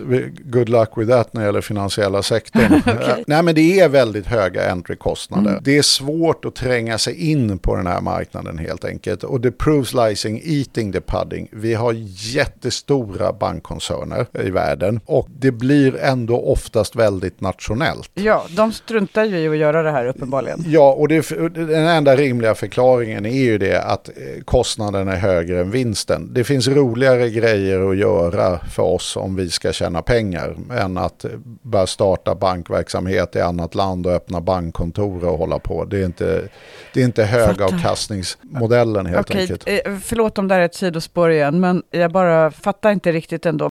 Finns ju aktörer som redan är i Sverige. Western Union, det sitter sådana små lappar överallt på butiker. Mm, mm. Eh, Forex, varför tar inte de upp bolånespåret bara? Nej men det gör de ju inte därför att det är ett helt annat spår. De är ju så kallade nischbanker. Det är så här, jag är nischad på att växla pengar. Då har jag skaffat mig kompetens på det och sen etablerar jag mig som en nischaktör på att växla pengar. Visst, men de måste ju se den här vinstmaskinen och tänka så här, vi skiter i den för att... Jo, men det, vi skiter i den därför det är väldigt komplicerat. Du måste ju ha finansiering, du måste ju ha kompetensen, du måste ju ha tillgången till marknaderna. Du ska ju låna ut miljarder. Det här är ju ändå en volymlek. Mm. Det är inte det att varje lån tjänar jag en miljard på. Om jag chippar emellan en halv procent så ska man ju veta det att den utestående bolånestocken bara för hushållen mm. är 4 000 miljarder. Det är nästan vår BNP. Ja. Och om jag kan chippa en procent på 4 000 miljarder Bevärt ju. Så är det sjukt många miljarder. Mm. Men om jag kan liksom snika en procent på en miljard, ja då är det inte så mycket att hänga i julgranen.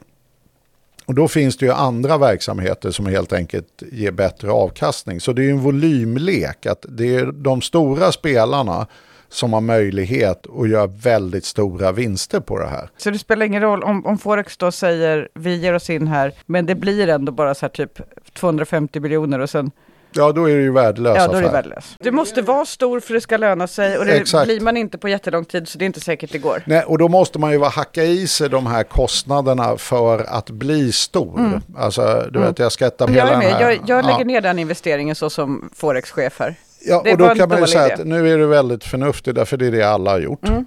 Uh, så att du är i linje med hela övriga finansiella sektorn globalt. Mm. Tacka för den, jag vet inte, komplimangen. Ja. Så att de som sitter på de här stora stockarna utav bolån som då är totalt sett 4 eh, 000 miljarder. Och då ska man ju veta det att det är i princip fyra aktörer som sitter på alla de här 4 000 miljarderna. Och sen är det 1000 miljarder som även går till bolån som är riktade till företag. Så det är 5 000 miljarder i omslutning på den här marknaden. Så att det är ju en gigantisk marknad. Va? 80 procent utav de här pengarna sitter de- storbankerna på. Och sen har vi då en liten uppstickare och det är ju då SBAB. Det är väl statens? Ja men alltså på den här marknaden. De är ju rätt nya i matchen och det visar väl hur... Jaha, är de nya? Ja, ja, alltså SBAB startade ju ursprungligen 85 tror jag det var. Det är inte jättenytt. Nej, men med ett helt annat uppdrag. Många av våra lyssnare är födda efter det. Ja, fast med ett helt annat uppdrag. Ja. Alltså då skulle de bara, då skulle de liksom vara banken, eller statens bank för att finansiera statens bolån. När blev det privatbolån? Ja, man gick ju ut under 90-talet och ändrade inriktning och breddade sig helt enkelt. Att först så expanderade man till att vi hjälper även kommuner med den här tjänsten. Och sen expanderade man till att eh, vi ger oss även in på den privata bolånemarknaden. Är det politiska beslut som ligger bakom dem eller är det Ja, det är, alltså, det är också det. Va? En hel statligt ägd bank som är förvisso ett aktiebolag så är det ju det departement eh, som ansvarar för det som i praktiken ger då det så kallade ägardirektivet. Sen har ju de en bolagsstämma men det är rätt ointressant övning med tanke på att 100 Då sitter ju procent en där och röstar gissar jag. Ja, och säga att Ja. tjena det ska vara så här. Ja, ja, Ja. godkännes. Och det är ju inga överraskningar naturligtvis. att De har ju en dialog med ägaren, det vill säga staten och departementet. Staten skulle ju då kunna skriva ett Det blir ju ägardirektiv, kallas ägardirektiv, det. ja, just det. Men då skulle man ju kunna skriva ett som är så här, tjäna maximalt med pengar så vi får dem. Mm. Eller man skulle kunna skriva, eh, se till att eh, ge folk förmånliga bolån så att vi får, får ordning på marknaden. Exakt, och det var precis det staten gjorde. Vad, vad är anledningen till att vi har en bank som nu ger sig in på den privata bolånemarknaden? Jo, konkurrensen suger. Det här är helt uppenbart oligopol. Folk borde få bättre och billigare lån och därför ger vi de här ett uppdrag och det är att främja konkurrensen och mångfalden på bolånemarknaden. Sen ger vi dem ett avkastningskrav, för det är ju det där med maximera vinsten är ju ett avkastningskrav, lite diffust formulerat förvisso, men vi ger dem ett seriöst avkastningskrav att ni är inga do-gooders. Utan ni ska kasta in anständigt med stålar till staten. Annars skulle det väl bli någon marknadstvistfråga också? Det skulle det förmodligen, och i dagens värld så skulle vi definitivt bli fällda i EU-domstolen att det är illojal konkurrens och så vidare. Så skulle man sätta till exempel, ja men ni behöver inte tjäna några pengar alls. Då skulle det nog inte ta många sekunder innan storbankerna stämde oss till EU. Men det gjorde inte staten ens då, utan De listade ut det. de listade ut det och sa att Nej, men ni ska avkasta då. Och nu är vi inne på den här lilla modellen. Vi har alltid någon modell som vi jobbar med i våra sändningar. Alltid. Alltid. Och då är det då den riskfria avkastningen. Och då har de bestämt att den bedömer vi som en femårig statsobligation. Så då kommer ju avkastningen bero naturligtvis på vad den där femåringen tar vägen. Därför den är ju rörlig. Ibland är femåringen noll och ibland är den fem och sådär. Va? Och sen plus fem procentenheter. Ja, jag ser att du har hittat reglaget, ja. Ja, och då är det det. Nu tycker jag att de faktiskt ställde det reglaget lite högt om jag ska vara ärlig. Därför det där motsvarar nämligen beräkningsmässigt den långsiktiga avkastningen på börsen. Och då måste man som ordningsman i sådana här frågor ställa sig frågan Speglar verkligen risken i SBAB börsens genomsnittliga risk? Och det skulle jag säga att den definitivt inte gör. Nu Eh, fattar man ju varför vi pratade så mycket om det. Ja, därför att då är det ju, börsen är ju liksom en riskplacering. Men som på lång sikt när den går upp och ner ändå ska ge den här vettiga avkastningen. Men det är ju liksom avkastning som är av alla som har förlorat pengar och Ja. alla som har vunnit pengar. Och då ger den över tid 5% plus statsobligationsräntan i snitt. Då. Och det där var ju liksom att, ja, nej men vi gör det här ändå så här. Och det var ju sosseregeringar på den tiden så att de var anständigt snälla mot bankerna. Och, Dessutom var inte bolånen så höga. nej, och det är också en aspekt på det här. Va? Att när, när blir folk riktigt upprörda och när kommer det på radarn? Jo, Ja. det är när, när de börjar bli eh, riktigt höga. Va? Räntan var ju väldigt annorlunda då. Ja, och det man kan se när man då tittar på vet, du, statsobligationsräntan då, femåringen, därför det är ju den som bestämmer hur mycket vinst som eh, SBAB ska göra, så händer det ju någonting eh, dramatiskt emellan eh, 00 då och 2015 ungefär. Det är att kurvan går helt rakt ner. Den börjar på 5% runt eh, 00 och sen går den som en spik sådär, rätt elegant rakt ner. Ja, men det är inte så konstigt. Nej, det, vi har alltså haft fallande räntor. Ja. Eh, Vi märkte ju det också. mm, och då ska ju helt enkelt vinstkraven Ja. också falla. Ja. Enligt den här då modellen för SBAB så gör de ju det. De behöver inte lämna in lika mycket pengar till finansen därför att ja men så här ser det ut. Och sen har den ju legat på noll i princip i fem år mellan då 15 och 20. I vinst. Nej, i ränta. Ja, alltså okej, den ja. riskfria Ja. avkastningen har varit noll som är jämförelsetalet. Så man kan säga att under de där fem åren så borde ju kravet på avkastning ungefär varit 5% Mm. för eh, SBAB. Och då undrar man ju lite, okej, vad hände då med bolånemarginalen? Därför om vi nu har kvar den här att det är en volymlek vi håller på med. Det är 4 000 miljarder som kommer till bolånekunderna eller som de har lånat upp. Kan man chippa emellan 1% på det så är ju det 40 miljarder som man kan liksom bara ta hem i vinst mer eller mindre. Och då kan man nämligen titta på då den här bolånemarginalskurvan. Och då börjar den just på ungefär 1,25 där i början på 2000. Och sen ser vi ju hur den otroligt elegant rör sig ner i linje med vad modellen skulle förutsäga. Att bolånemarginalen faller ju här och den hamnar under fem år mellan 0,3 och 0,6 de här åren emellan eh, 15 och 20 och sånt där. va? Den här kan vi lägga ut på något vis, eller hur?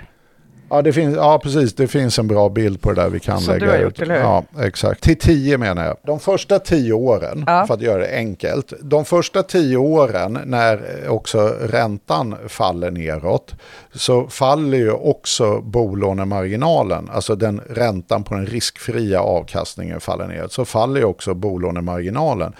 Under den här perioden så har SBAB uttryckligen ett så här, ni ska stärka konkurrensen på marknaden. Och ränteläget däremot, du måste nu skilja på den räntan du faktiskt betalar. Alltså låt oss nu säga att du betalar 5% i bolån. Då är ju en del av det där är ju vad det faktiskt kostar att låna upp det där och ge dig det där lånet.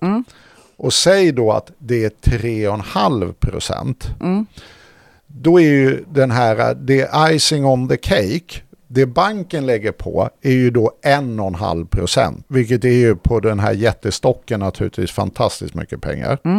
Icing on the cake, men vi börjar nu med den där 1,5. Ja. Den kan ju gå upp och ner. Förstår Ja, du? visst. Den kan ju gå från en och en halv till en halv.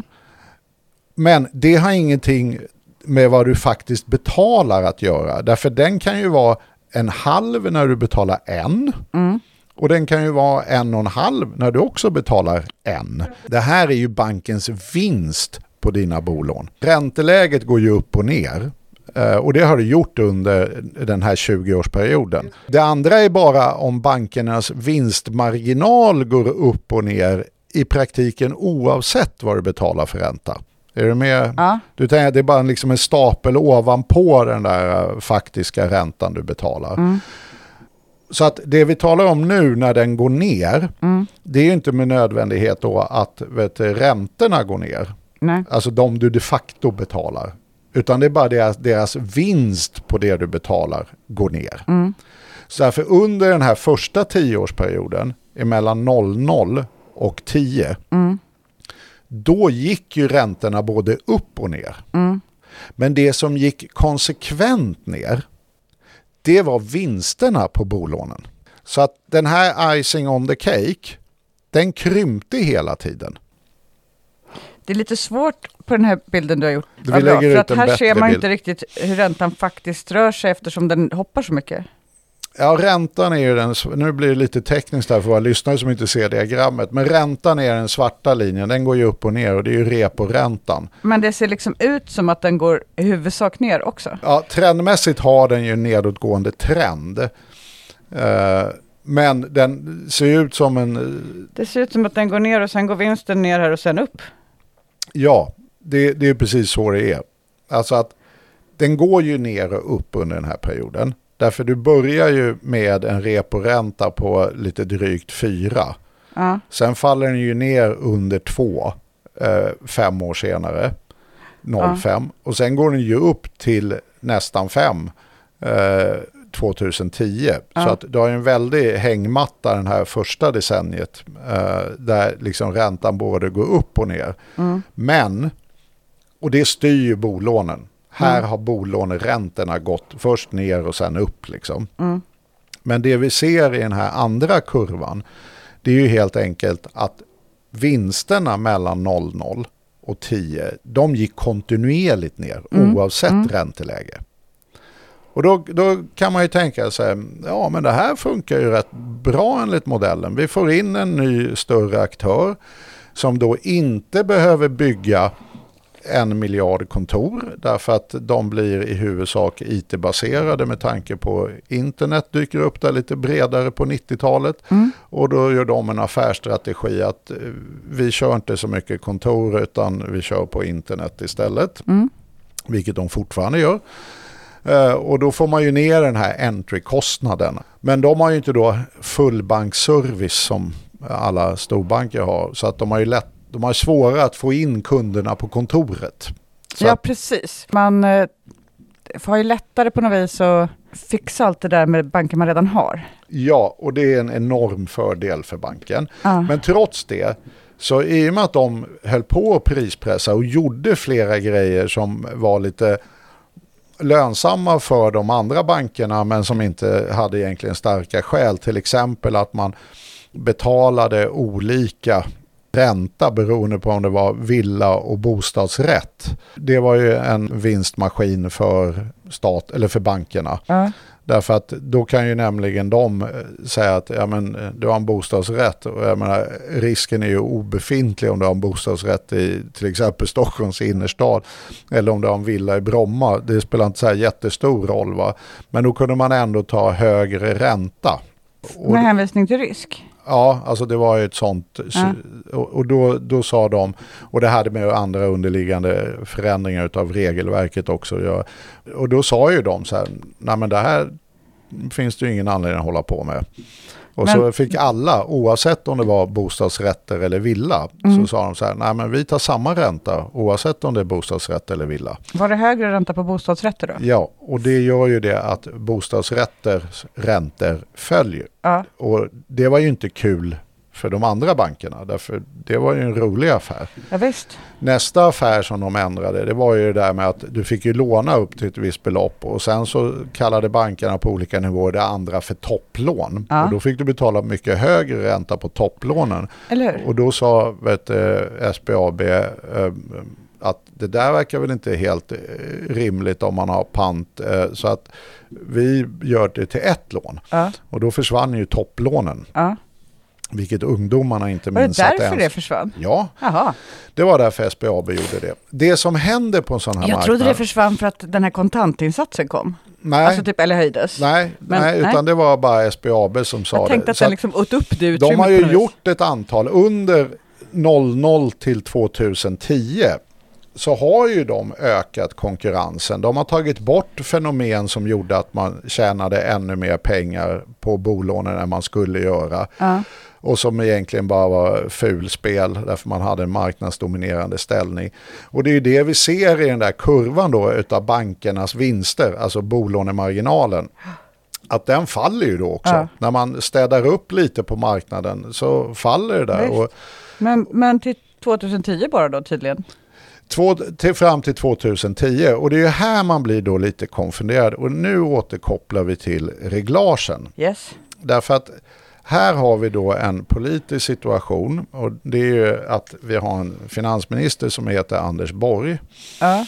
Han är jättearg på bankerna. Han har väl redan suttit i fyra år här nu. Ja, och är jättearg på bankerna. Ja. Han är i tv med eh, mycket jämna mellanrum och så har han klippt ut. Jag vet inte Mm. Det var om det var bankerna här, och de arbetslösa som fick Ja, och då, veta att de levde. ja, och då säger han så här att nu, ni ring din bank, var jag han så här. Du, titta här nu, listräntorna här, det är helt absurt i förhållande till vad det faktiskt kostar att låna ut så här dyrt till bolånetagarna. Ja. Ni är ju skurkar allihopa. Och så, och så han, han var riktigt arg på Men bankerna. han var ju finansminister. Ja, och var riktigt arg på Men bankerna. jag menar, han var ju finansminister.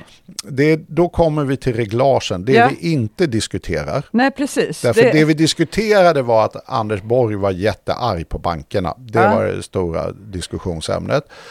vi och- diskuterade inte vad han hade för möjligheter att förändra situationen. Nej, och då, är, då blir det en väldigt, väldigt lustig historia här.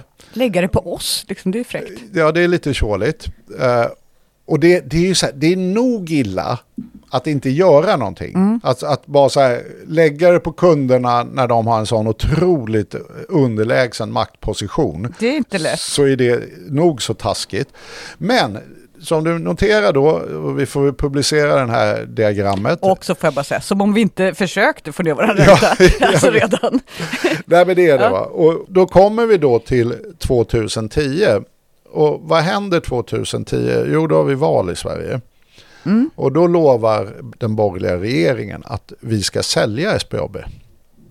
Aha. Eh, Så de går ut med det valet. Så man kan inte ens säga att de faktiskt har lurat svenska folket. För det, det var ändå hedligt politiskt spel i den meningen. Kommer vi till makten ska vi... Men vad är det för vallöfte? Skulle det göra någon glad? Nej, jag, jag, Vilka jag väljare vet tänker inte, man men att man ska- vallöfte var väl kanske lite att ta i. Men de sa- jo, men de har ändå tagit med det i valrörelsen. Ja, de tog med Som det i att valrörelsen att någon vi kommer kommer, vi kommer sälja ut bolagen. Liksom. Eh, Ja, Just det, för då kanske man finansierar något eller så. Ja, men de hade ju en säljlista. Liksom. Jag tror det framförallt var ju fyra styr, stora statliga bolag varav SBAB var ett utav dem. Och då händer ju det att de faktiskt vinner valet 2010. Det kommer jag ihåg. Och den här otroligt vackra då kurvan utav pressade vinster i bankmarknaden för bolån. Där vi alltså går ifrån då 1,25 till någonstans pendlar den då sen stabiliserar sig runt 0,3 till 0,6 procent. Så ni måste ju tänka nu så här, jag betalar ett bolån och så kostar det 3 procent att finansiera. Så är det ju en jätteskillnad att om jag får nu en ränta på 3,5, det är en bolånemarginal på en halv. Eller om jag får 4,5, vilket är en bolånemarginal på 1,5. Men här sjunker den ju från över 1 till att ligga mellan 0,3 och 0,6. Vi kan säga snitta det där lite slaskigt till en halv, något sånt där, lite knappt en halv.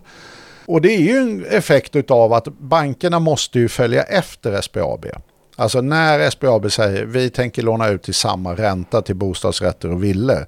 Om de inte följer efter så småningom, Skulle de ju tappa marknadsandelar? då skulle ju alla mer så eller skulle mindre gå... eh, då tappa en bit av kakan eh, som är 4 000 miljarder. miljarder. De tappar ju volymleken. Ja. Vi får inte glömma att det är en volymlek Exakt, de måste här. ha volym här. De måste ha volym här. Och de har inte råd att tappa alla liksom, eh, bostadsrättsägare. Va? Så att då måste ju de följa efter.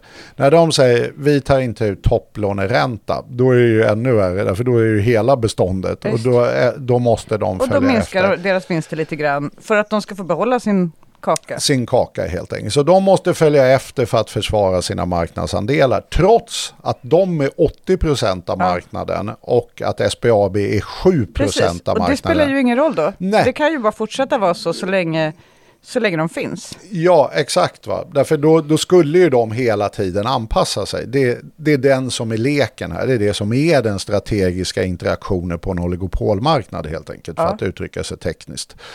Eh, då tillträder ju den här nya regeringen. Då får man ett nytt finansdepartement som SBAB lyder under. Eh, SBAB fattar ju Är det direkt. inte ungefär samma? De får ett nytt finansdepartement i meningen av att vi har gjort ett vallöfte nu att Ja. SBAB ska säljas och det här ska ju bli.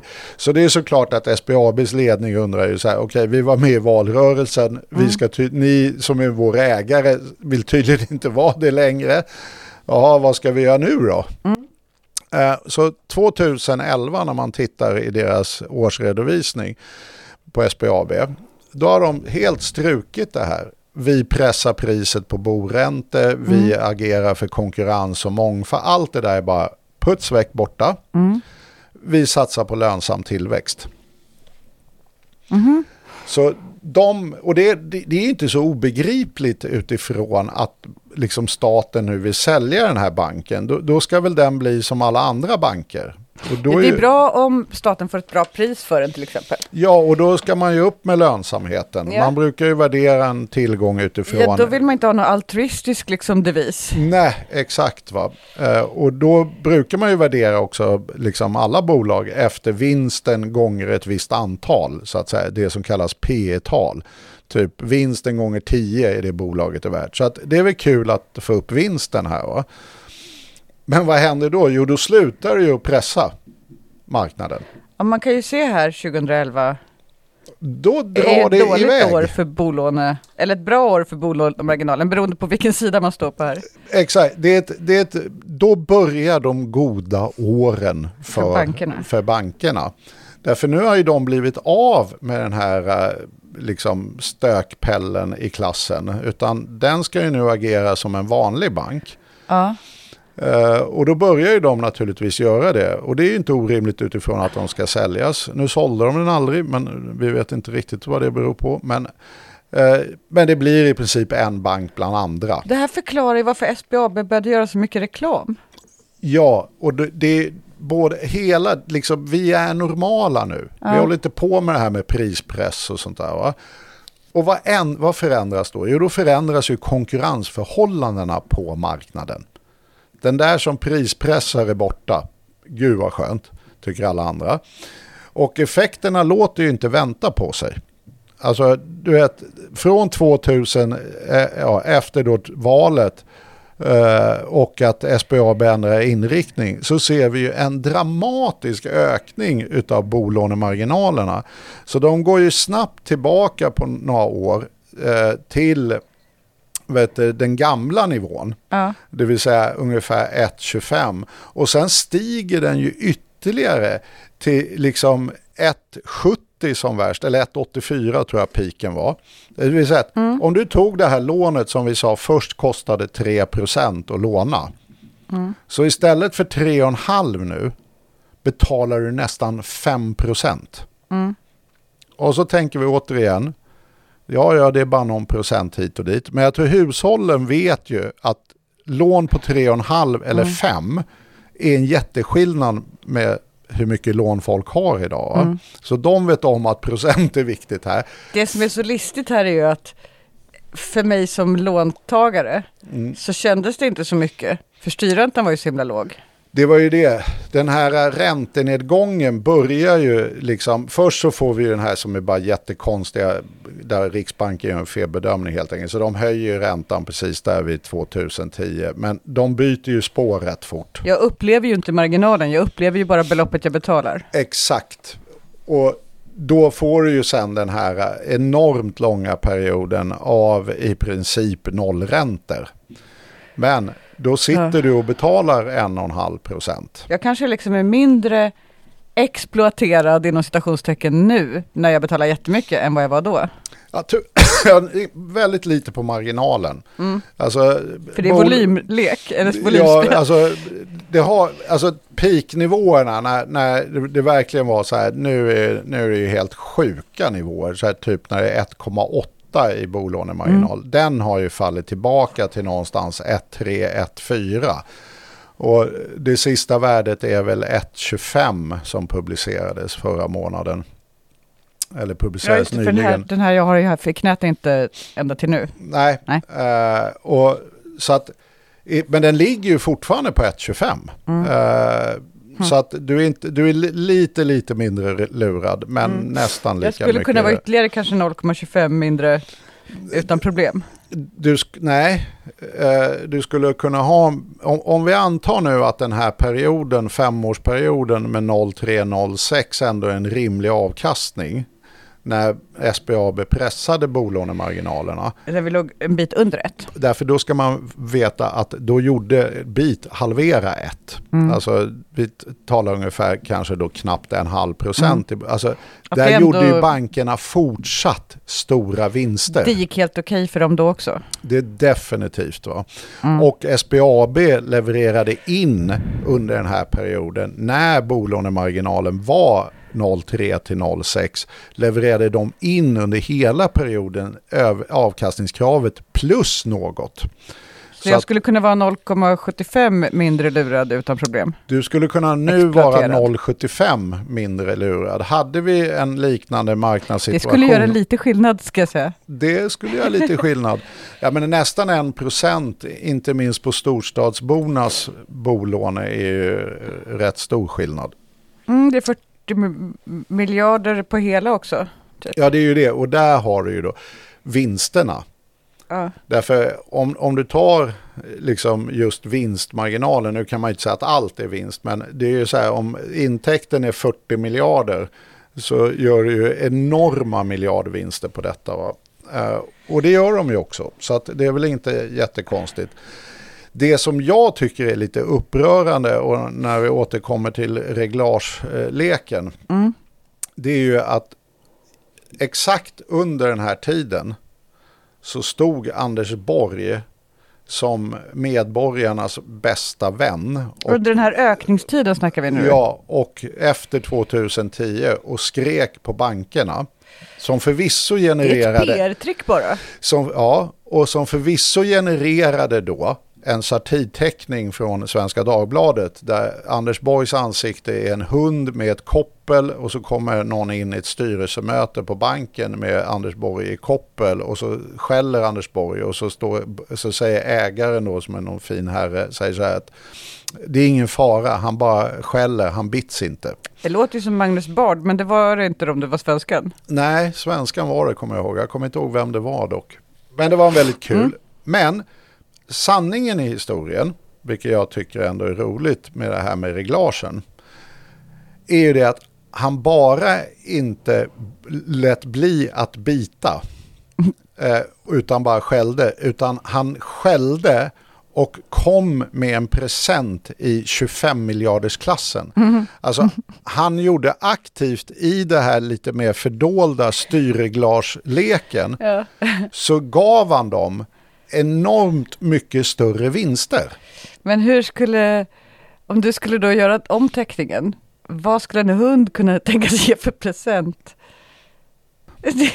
Ja, det, jag håller med dig, teckningen faller ju lite då. Den var, jag tyckte den var väldigt en hund rolig. med en present. Okej, en Ja. hund, är fint för en hund, det är ju mat typ. Mm. Det är inte det är inte, ja, nej men en livslång lojalitet och kärlek kan man ju få också. Men det är också svårt att slå in Ja, det är det. det. Det finns ju det här, äh, sina Vad man- förstfödda ja, kan man ju få. Ja, kanske det är omöjligt. Men jag håller med teckningen blir lite knepig. Men han kan väl Mm, men det är ha... en hund han, han med kan 25 väl ha- miljoner kronors present. Det är en, det är Men en han kan väl ha ett jättestort vet du, ben utav guld i munnen som Ja, han det kan lämnar. han. Mm, det där ser kan du. han. Han har ett ben utav Mm. guld och diamanter. Ja, och exakt. Mm. Och lämnar det på golvet och går. Han skäller bara, han bits inte. Tvärtom har han presenter med sig. Och så lämnar han sitt gulddiamantbestrydda ben på En golvet. obehaglig hund det där. Ja, det är det. Så att det, nej men det här tycker jag faktiskt är liksom en del av politikens problematik. Att den här detaljnivån är man inte jätteintresserad av. Men det här har enorm konsekvens för samhället, för väldigt många medborgare. Och, och det är liksom gång på gång så här att man pillar lite på de här reglagen och så plötsligt händer någonting. Och här är det just den här som jag tycker är pikant. Den här kontrasten i hur han står och skäller på bankerna och sen ger förutsättningarna för att bankerna ska kunna kraftigt öka sina vinster när han redan står och skäller att vinsterna är alldeles för höga. Det är liksom, Man får mercha den här historien med guldgåsen. Historien, han skäller på bankerna, men han liksom bajsar guldklimpar. ja, ungefär så. Så att det, det där är ju ett problem och, och därav så också då Vänsterpartiets förslag nu som då också ligger på reglagenivå och naturligtvis är då svårt att få genomslag för. Så är det ju, men det är ändå kul att eh, någon försöker. Ja, exakt. Jag Det är tycker kul också att ni håller det. på. Ja. Nej men alltså någon måste ju börja. Sen kan det ju bli, jag menar elpriserna var, var ju också lite sådär i början. Ja, Nu blev ju inte det någon bra verklighet med den här regeringen. nej. Men att man ändå börjar liksom dra in något, matpriserna, allt det där. Elpriserna har ju haft en faktiskt direkt effekt av Vänsterpartiets argumentation och det är ju faktiskt att det är totalt stopp på att bygga ut mera kablar och egentligen skulle ett nytt beslut på en redan ha tagits för ett år sedan. Och då snackar vi de här kablarna som exporterar, eller hur? Exakt, vilket ändå, Andra kablar är okej. det är ju ändå liksom klart. De här exportkablarna blev det ju ett stopp och Mm. jag tror inte någon regering, därför det har man förstått att det är de som genererar den här prisimpulsen Exakt. och ingen regering vågar riktigt nu ta... Nej, det är dumt att investera i ökade elpriser. Det är Ja, att ta i. Det, det är att ta i. Så att det, det har ju faktiskt fått en konkret effekt att många har fått en större förståelse för hur marknaden ändå fungerar. Det här kan förhoppningsvis fungera likadant, att man får en förståelse för de här reglagen. Att Ja. liksom, och det är, inte, det är inte små saker. Alltså det här är ju hur många miljarder som helst för hushållen och för banker. Skulle man göra det här idag, Ja. då talar vi ju om att vi skulle, det som då Vänsterpartiet har föreslagit är ju att ett, de ska återfå sitt uppdrag för att eh, främja konkurrensen och pressa priserna. Två, de får tillbaka sitt gamla avkastningskrav. Därför finansen eh, efter då 11 när banken redan hade ändrat inriktning gav ju dem också formellt ett mycket högre avkastningskrav. Ja. Och två, att man ska utreda om den här, ens det avkastningskravet, att det ska vara i linje med börsen, verkligen är en rimlig riskbedömning. Därför jag tycker personligen att det borde kanske vara plus 2 eller 3 procent, inte plus 5. Skulle man göra det här, eh, vilket man kan göra med ett regeringsbeslut så är det ju helt enkelt så att det skulle flytta i runda slängar 25 miljarder ifrån bankernas vinster till hushållens plånböcker. Du har ju också redan berett frågan, Ja, så att man behöver inte ens göra det. nej, den är färdigberedd. Förslaget till avkastningskrav, uppdrag är Ja. färdigt. Så de kan Underlaget bara ta finns, de kan copy-pasta texten, Mm, de kan skriva ett nytt ägardirektiv. Klart.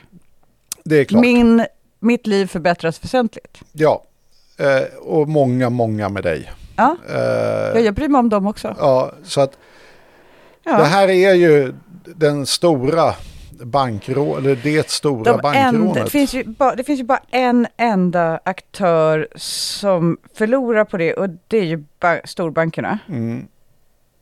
Och de kommer inte gå under precis. Det är ju då nästa fråga. Eh, Kul att du frågar. Det gjorde jag inte, jag Nej. påstod. Men Ja. okej, Ska- vad händer då? Är inte det här jättedåligt för storbankerna? Att de går under så får vi en kris och så kommer Jens Henriksson, eller vad hette han? Ja, och, Och säger oj, "Hade oj, oj, nu, rätt?" nu går allt åt skogen. Ja. Jo, eh, det är en högsta grad relevant fråga. Mm, bra, Eh, jag tänkte ut den själv. Och då är det ju så att vet, du, tittar man då på EU, alltså vad EU-banker tjänar och allt det här är officiell statistik från Finansinspektionen. Så ligger de just på den nivån som vet, det här nya avkastningskravet skulle innebära. Det vill säga att idag är den femåriga statsobligationsräntan är ju då vet du, runt 2% och skulle man lägga på 5 procentenheter där så skulle ju idag då, men nu är ju räntorna på väg ner igen. Så att det skulle ju bli som förra gången. Men idag så skulle det ungefär bli ett avkastningskrav på 7% på SBAB och det skulle då vara i linje med börsens långsiktiga avkastning, vilket är alldeles utmärkt. Det är det som europeiska banker faktiskt har som avkastning på eget kapital. svenska bankers avkastning på eget kapital ligger och snurrar runt 12 procent. Så svenska banker är i en europeisk kontext extremt lönsamma. Och det enda det här skulle göra, det är ju inte att förmodligen stänga det där gapet helt och hållet, men det skulle åtminstone normalisera den svenska banksektorn i förhållande till EUs övriga banker.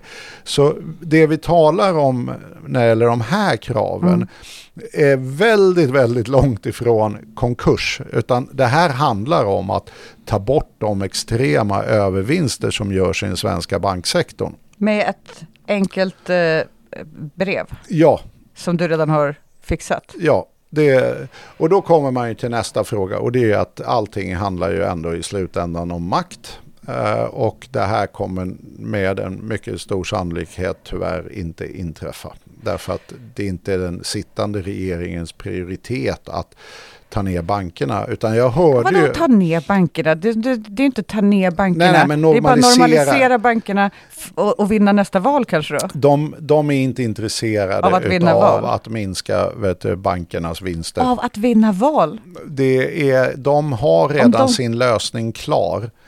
Det, vilket gö- gör mig faktiskt lite upprörd. Jag hörde ju Mm. Anders Wykman då för två dagar sedan. Nej, inte Anders, vad heter han? Wykman. Vad heter han i förnamn? Han som är finansmarknadsminister. Heter det inte? Nej, Nik, Nils, Ni, Nej, Nils. vänta, Niklas. Ja, Niklas? Niklas kanske Vänta, heter. vi googlar det så vi säger vi, rätt. vi googlar det. Han heter Niklas. Han heter Niklas. Han var ju på eh, radion och, och det var faktiskt rätt kul att höra så här, journalisten på något sätt ändå du vet, har inte den här eh, djupa kunskapen i frågan, men har den här mycket starka känslan att det är ändå något fuffens på gång här. Och hon tar upp SBAB. Ja. Och det här var ju precis dagen innan det planerade utspelet från Vänsterpartiet. Så det var ju lite roligt. Så, så hon är så här, ring din bank. Han körde ju en ren copy-paste. hade ni tipsat? Nej, absolut. Nej. Nej, det var bara en ren olyckshändelse. Eh, nej, och då vet du, då kommer han dit och ska diskutera den bristande konkurrenssituationen på bankmarknaden och bekräfta bilden. Ja. Det är en bristande konkurrenssituation. Ja. Eh, så, och då tycker ju journalisten, så här, men, eh, men ska ni inte göra någonting åt det här? Ja. Och, och då är ju budskapet, jo, kunderna måste, och så blir det där. Det är, han försöker göra en Anders Borg igen. Han gör en, en Anders Borg junior igen. Ja. Eh, men med lite mindre plattform och trovärdighet får man ändå säga. Men han stod där och hon köpte inte riktigt det där och var så här, ja, men, men ni äger ju en bank, Eh, SBAB är ju statlig, ska ni inte göra med någon? Och då klämmer han ur sig den här, vilket jag tycker nog gränsar faktiskt till lögn. Nej, nej, så kan man inte göra. Det, det finns ju hundratals banker där ute och det är ju sant i teknisk mening. Alla har ju någon filial av något slag. Ja. Det är därför de servar olika system och kunder och sådär. Men alltså, ja. Men- mm. Men det spelar ingen roll typ vad vi gör med SBAB utan nu måste typ kunderna gå till attack mot sina banker. Men vänta. Är, är spåret så kan man inte göra för det vore fel eller är spåret det skulle inte spela någon roll? Det skulle inte spela någon roll. Ja. Eh, därför att det finns ju hundratals banker där ute. Ja, just det. På, Eh, s- och jag, jag vänder mig till någon av de hundratals banker som vill erbjuda mig ett bolån då. Ja, Jag gör en appell. Ja. och det är intressant, därför det är ju som sagt var storbankerna kontrollerar helt vet, bolånemarknaden eh, och med en nischspelare som är SBAB på kanten. Och finns det någon ytterligare liten bank så är det med högre ränta till folk som typ har betalningsanmärkningar eller något. Ja, exakt. Då är det ytterligare nischbanker som lurar folk ännu mer. Så att nej, det där är ju en fullständigt förljugen verklighetsbeskrivning. Men det är helt uppenbart att den här regeringens linje är att vi ska nu stärka konsumenten. Och det var också, linjen är inte jättebra därför det är helt uppenbart att den här journalisten hade bolån. Hon var väl lite insatt ändå i vad jag själv betalar. Och så, så här, nu, nu ska man få vi måste stärka konsumenten, nu måste konsumenten kräva byta bank, jäda jäda. Och så vi ska nu se till att man får sitt amorteringsunderlag digitalt. Va? var hans stora Va? grej. Va? Ja. Va? Varför? Mm, det, det var det stora. Jag, jag exploderar. Därför det gör konsumenten vet du, mera mäktig och då kan man lättare byta bank. Och då säger hon Va? bara så här, Va? ja, eh, fast det kan man ju bara ringa till banken och få. Och då han så här, riktigt så lätt är det inte. Jo. Jo, jag vet, jag var, gick faktiskt Jag in. tycker väl lite typ att de prackar på en det till och med. Jag- Jag gick faktiskt in och googlade upp då storbankerna och amortering. Därför jag tänkte så här, stämmer verkligen det? Och då kunde man bara ringa ett telefonnummer och så testringer man så här, okej, ja men absolut. Så, så, här, jag får, så att, nej, men de gör ju då återigen det här, liksom en, en riktigt, riktigt liten fjäder till en stor höna. Alltså jag är inte på något som helst emot att digitalisera amorteringsunderlagen. Men det är en sån pseudo-åtgärd så att hälften skulle vara nog. Va? Herregud. Ja, och, och då blir man ju så här, men vi är ju där nu. Och de erkänner ju precis det som egentligen förklaras i det här underlaget jag har gjort som dock inte är faktiskt eh, helt publikt än. Kan du redigera det här? Ja, Till delar som vi kan lägga ut. Ja, men vi, ja, men vi bilder. det är mycket, mycket, mycket siffror och vi, bilder. kan, vi kan lägga ut bilder i varje fall. ja, det men vi du best- Därför de är ändå rätt mycket förklaringar Bild- till det bilder- som... ja, ja. Men det, det som är då problemet nu är ju precis det rakt motsatta mot vad han ger sken av. Det som håller på att hända är ju tvärtom att kunderna försvagas. Alltså det, det, är ju, det som är med banker är ju det att de är inte goda i den meningen av att de är altruistiska. Det hade vi en bank som en gång i tiden var, det var SBAB, men de är liksom inte heller, har, eller har inte det uppdraget idag. Men en bank kommer ju att omförhandla dina rabatter utifrån din styrkeposition, vilket banken tycker är självklart. Att jag har ju varit med om det att man, man ringer och säger nu kräver jag det här villkoren och så säger de nej men det, det, de säger det, det kan vi inte ge. Fine, du kan packa ihop alla mina konton och förbereda att jag ska flytta allting till en annan bank. Och då plötsligt är det så här Okej, vi kom på att vi kunde göra det här. Jag har till och med hört sådana här förklaringar som att det är mot regelverket. Och så det är inte alls det. Och sen visar det sig att efter de har kört det argumentet så kommer de tillbaka och säger när de pratat med chefen att oj, det var det inte visst. Eh, Så att vet du, du får de här villkoren. Ja. Så att det, det är ju en maktrelation mellan bank och kund. Och hotet du har det är ju att du har en anständigt god liksom, situation ekonomiskt. Det som händer nu på marknaden är ju att många får en mycket sämre ekonomisk situation. Vadå hotet du har är... Där hotet du har är att just gå Ja, och, och, vet du, och är ett credible threat ja men hur heter. hänger den ihop med min ekonomiska...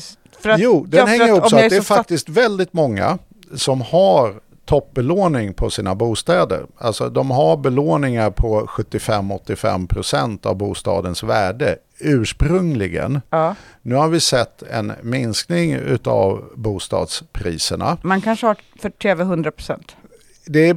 Jag skulle gissa att vi har nämligen inte sett slutet på Nej. detta. Och det är klart att då är det svårt att komma dragandes med den bostaden och få ett nytt lån, ja. Japp, och vad Det har du då? Inlåsningseffekter. Så när du säger så här till banken, om du då inte har, om du säger att du Mm. har ett lån på 3 miljoner, liksom marknaden har vikit, din bostad är nu värd i princip 3 miljoner.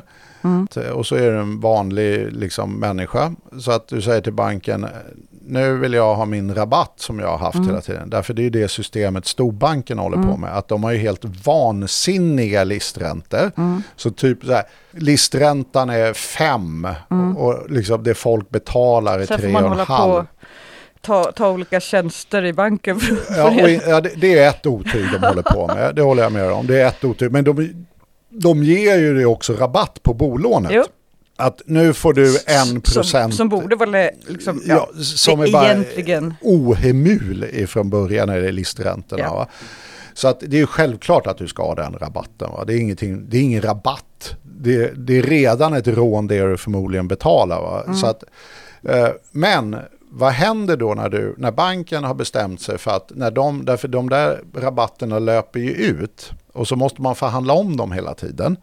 Vad händer då när banken säger att vi har tagit bort din rabatt? Så att istället för 3,5 som du betalar nu ska du betala 5 därför det är vår listränta. Och då säger du som bankkund att då tar jag mitt pick och pack och går härifrån därför det är ju ohemult. Då säger banken, gör det. Det kommer bli jättespännande att se därför vad vi har sett på dina bankkonton så har du inte en halv miljon att peta in i extra amortering. Och ska du gå till en annan bank nu så är det bäst att du hostar upp en halv miljon därför ingen annan bank kommer ge dig lån nu när marknaden har vikit. Du har ju rätt i det. Det har jag alldeles rätt i.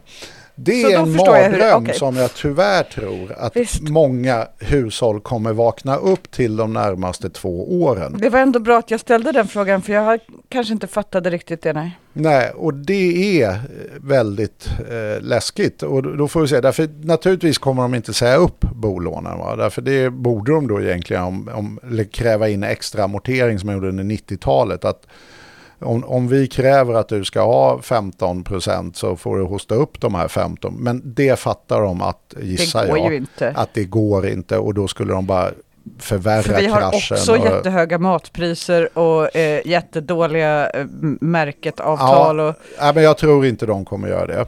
Eh, folk har inte pengar över nu. Men däremot så blir det ju, om, om du inte plötsligt har den här marginalen, och då, vad, vad talar vi om för hushåll? Jo, det är ju vanliga inkomsttagare som har klivit in relativt sent. Vi har en enorm generationsorättvisa. Alla unga. Ja, varför jag har en rätt stark finansiell ställning på, vet, mot banken, det beror ju bara på en enda sak. Jag är som du brukar påpeka gammal. Eh, och är man gammal, Brukar jag verkligen det? Är det, är det jag? s- Ja, ja. ja det kanske inte, ja okej då, jag tar tillbaka det. Men Du är man inte gammal, Ja, du är inte gammal. Men ja. då har man ju klivit in på bostadsmarknaden mycket tidigare, för 20-30 år sedan. Och då har ju du bara varit... Eh, nej, mm, om man har tur, om man är du. Ja, jag är också okej, om gammal. man är jag. Ja, du, Men, ja. men jag klev ju in alldeles Ja, nyligen. det är lite jag olika. klev dock in Men- i ett läge som, som var ganska bra. Men det finns en helt uppenbar hyggligt andel som är väldigt ålderssegregerad som har en bra situation fortsatt därför att man helt enkelt köpte för 20-30 år sedan. Eh, och då har du ju massa luft i liksom, värdena. Va? Men om du är en ung barnfamilj i storstadsregionerna med normala inkomster och har liksom mer eller mindre takbelånat din eh, bostad för ett par år sedan, då är livet tufft eh, framöver. Och, och det, man blir ju... Nu har vi ju inte sett Alla det här. Nu är det grannar, ju en spekulation från min sida som jag bygger på hur banker brukar agera. Men om de här rabatterna börjar upphöra i högre utsträckning på grund av inlåsningseffekter, att kunderna helt enkelt inget alternativ, så är ju det ett fruktansvärt profiterande på hushåll som har hamnat i kläm i krisen. Så att det, Jo vi skulle verkligen behöva en, ett SBAB som ja, agerade utifrån mer samhällsnytta och samhällsintresse och få marknaden att fungera lite bättre helt enkelt. Om man tänker att det är inte finansministern som är en hund, utan det är SBAB som är en hund. Då skulle det kunna vara en, en border collie, sån som kan valla får. Och eh, så är det liksom, det är fyra feta får ute på ängen som måste tas om hand, annars går de och äter upp alla tulpaner. Och eh, det vill man ju inte. Så att, eh, man, man liksom skickar ut sin border collie, eh, skickar in dem, här kan ni beta, det är bra. Liksom. Så gjorde SBAB förr. Men sen tog finansministern och satte ett koppel på border collien och bara gick omkring med den liksom. Och den där var fin och trevlig och så, men den fåren, Mm. det är ingen som ser efter dem. Istället för att man skickar ut hunden och skäller på fåren så skäller man själv då för att det inte ska märka så mycket att man har kopplat sin hund. Ja, precis. Medans då fåren nu, jag hoppar in i din liknelse, Ja. ja. medans fåren har ju då när han har kopplat både Colin, de har ju gått iväg till tulpanerna och sitter och käkar upp dem. Visst, och de är på persiljan och alltihopa Ja, nu. de är på alltihop va. Och då står han där borta med sin kopplade hund och skriker att ni borde ju inte checka upp tulpanerna och här är tulpanerna då hushållen. Och hunden är helt redo, det är bara att släppa den, det ligger i dens Ja. natur och fixa det där. Exakt. Men ehm, den, kom, den kan inte för den har koppel. Ja, un, ungefär så faktiskt. Jag tyckte det var en väldigt fin liknelse faktiskt.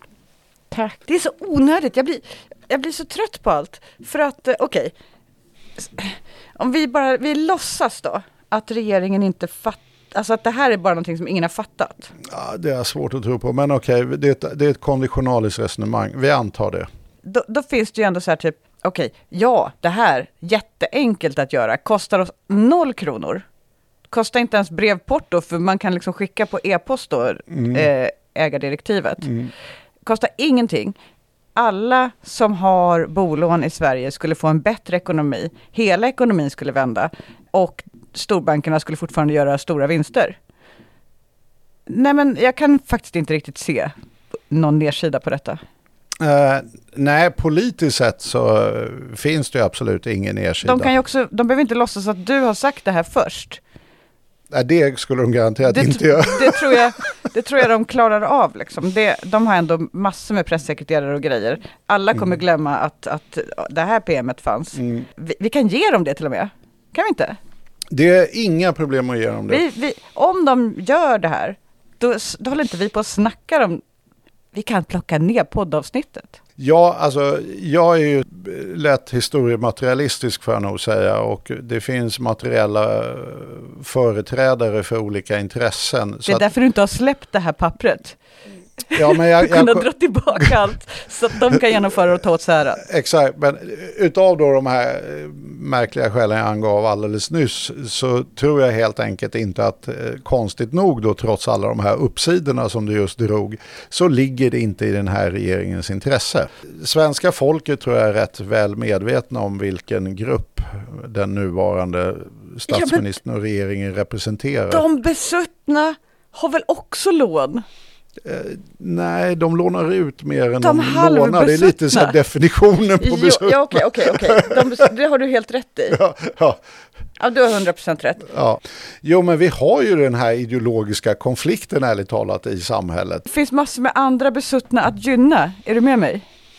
Nej, inte, inte makt. Alltså finansiella sektorn har fantastiskt mycket makt och även då opinionsmakt. Du kan ju bara tänka dig liksom alla chefsekonomer som alltid syns i tv, bankdirektörerna som säger saker. Alltså, nu, men du, vi tar ett möte med Ebba Busch då. För kommer du ihåg när KD fick fastighetsskatten på dagordningen? Ja, Det här kan ju vara hennes nya typ succégrej då. Precis. Om hon då representerade andra grupper än det hon gör, ja. Men inte... Fastighetsägarna, hon kan representera fastighetsägarna här. Ja, fast de skickar ju bara över kostnaden. Alltså det är ju det som är, i, i- slutändan Ja. är det hushållen som står med räkningen. Är det någonting den här inflationskrisen har Ja. visat är ju det att liksom, dagens ägare har ju en enorm förmåga på grund av bristande funktion på marknaderna att helt enkelt kostnadsövervältra på hushållen. Okej, men då gör vi så här istället då. Då får vi väl addera på listan över saker som vi behöver hålla på och opinionsbilda. Vi hade ju ostkrisen förra gången. Då var vi på både regeringens ansvar men också att det finns en konsumentmakt i det där. Här finns det ju en konsumentmakt därför att, eh, ja vad ska jag göra? Vi har ju en opinionsbildningsmakt ändå, vi människor. Ja, men det, det är ju så. Alltså, jag tycker sådana här otroligt banala insikter har lite för lite liksom, penetration i det, liksom, det politiska systemet ibland. När, när du står där som Wikman gör och säger kunden, kunden, kunden. Det låter ju som att det är någon genomsnittskund som står där. Alltså alla som har varit på en bank vet ju om att det inte är så. Kundens betydelse beror på hur viktig du är för banken. Det är där din förhandlingsmakt bestäms. Så som världen ser ut just nu med fallande bostadspriser, stigande inflation, pressad hushållsekonomi och det är ändå bulken av bankernas kunder som ser ut så, är ju i en kraftigt försvagad förhandlingsposition. Det är ju det som är sanningen. Och att de får amorteringsunderlaget digitalt, Ja. Men vet du vad vi har som inte Niklas Wykman har? Nej, Du och jag alltså. ja. Det, det är mycket. Mycket jag skulle kunna lägga på den listan. Men eh, vi har ju en podcast. Hår Exakt, till exempel. till exempel. Vi har hår. Vi har hår. Ehm, vi har också en podcast Mm. med tusentals lyssnare, varav en del lyssnar fyra, fem gånger på Mm. varje avsnitt. Många av våra lyssnare kommer lyssna flera gånger på det här avsnittet, tills de förstår exakt hur det hänger ihop. Och eh, kanske också då skriva och påpeka när någon resonerar fel. Mm. För att det stör man sig på efter några gånger. Det, det är ju början till en ny kunskap i samhället, som inte bara är en ny kunskap i närheten av ditt skrivbord. Mm. Ny kunskap, jag överdriver, för att jag menar, allt det här är ju kända fakta, men Ja. att det är en bild och en analys och en, ett verktyg och ett reglage och Mm. sammantaget så är det ny kunskap. Ja, framförallt så hoppas ju jag att det kan ta bort den här lite maktlösheten. Alltså det- det, är högerns absolut starkaste liksom, verktyg. Det är Mm. att få alla att känna maktlöshet. Och det är ju precis det Wykman signalerar när han säger Nej, men vi äger ju bara en bank utav hundratals. Fatta Mm. hur stort det här och komplicerat det här systemet. Och så sitter folk där och känner "Ah, det går nog inte att göra någonting åt det här. Va? Och det, det är inte sant. När du säger vi kolla, du har världens finaste border collie. Ja, Låt den göra sitt jobb, den, Ja. den vill det. mm, jo, nej, men det är så att jag hoppas åtminstone ta bort lite av maktlöshet i frågan. Sen kan det bli som i Babe, den modiga lilla grisen, att det är en gris egentligen. Som vinner. Ja, nu försöker Tävlingen. Det finns andra vallhundar vill jag bara påpeka. Ja, en gris. Ja. Och så säger Niklas Wipman på slutet, that'll do pig, och så börjar alla grina. Mm. Ja, den är fin. Men Ja. eh, vi har en podcast, det är det jag Vi säger. har en podcast. Och ehm, typ, nu känner man verkligen, det är ju väldigt tur att vi är tillbaka. Mm. För här bidrar vi ju till någonting som kan, kanske inte liksom omedelbart då, eftersom regeringen kanske inte samarbetar, Mm. men på sikt förändra allting, eftersom sen kommer alla veta att det här reglaget finns. Ja, och jag tror ju det att du har ju rätt i den här grundantagande att den här regeringen måste ju ändå sträva efter att bli omvald. Så att det är ju folkligt tryck och folklig liksom, upprördhet som ändå skulle kunna tvinga dem att göra någonting som strider mot deras natur. Att, För om, om Wikman inte kommer undan med att säga så överhuvudtaget, Exakt, och debatten blir mycket tuffare och fränare och det blir en, det här, det är omöjligt och ingenting går, utan att det är så här, jo men det, skulle förståelsen bli, jo men det här kan ju ni ändra varje torsdag på ett regeringssammanträde. Till slut så skulle nog den pressen bli rätt stor på regeringen. exakt. Det blir jobbigt till slut. Ja, hur ska vi toppa det här om två veckor? Ja, det får vi se, det finns alltid nya grejer. Otroligt. Ja, jag går väl hem och lyssnar på det här igen, Ja, helt enkelt. bra. Tack för att ni har lyssnat. Tack så mycket, hej! Tack, hej. That'll do, pig. That'll do.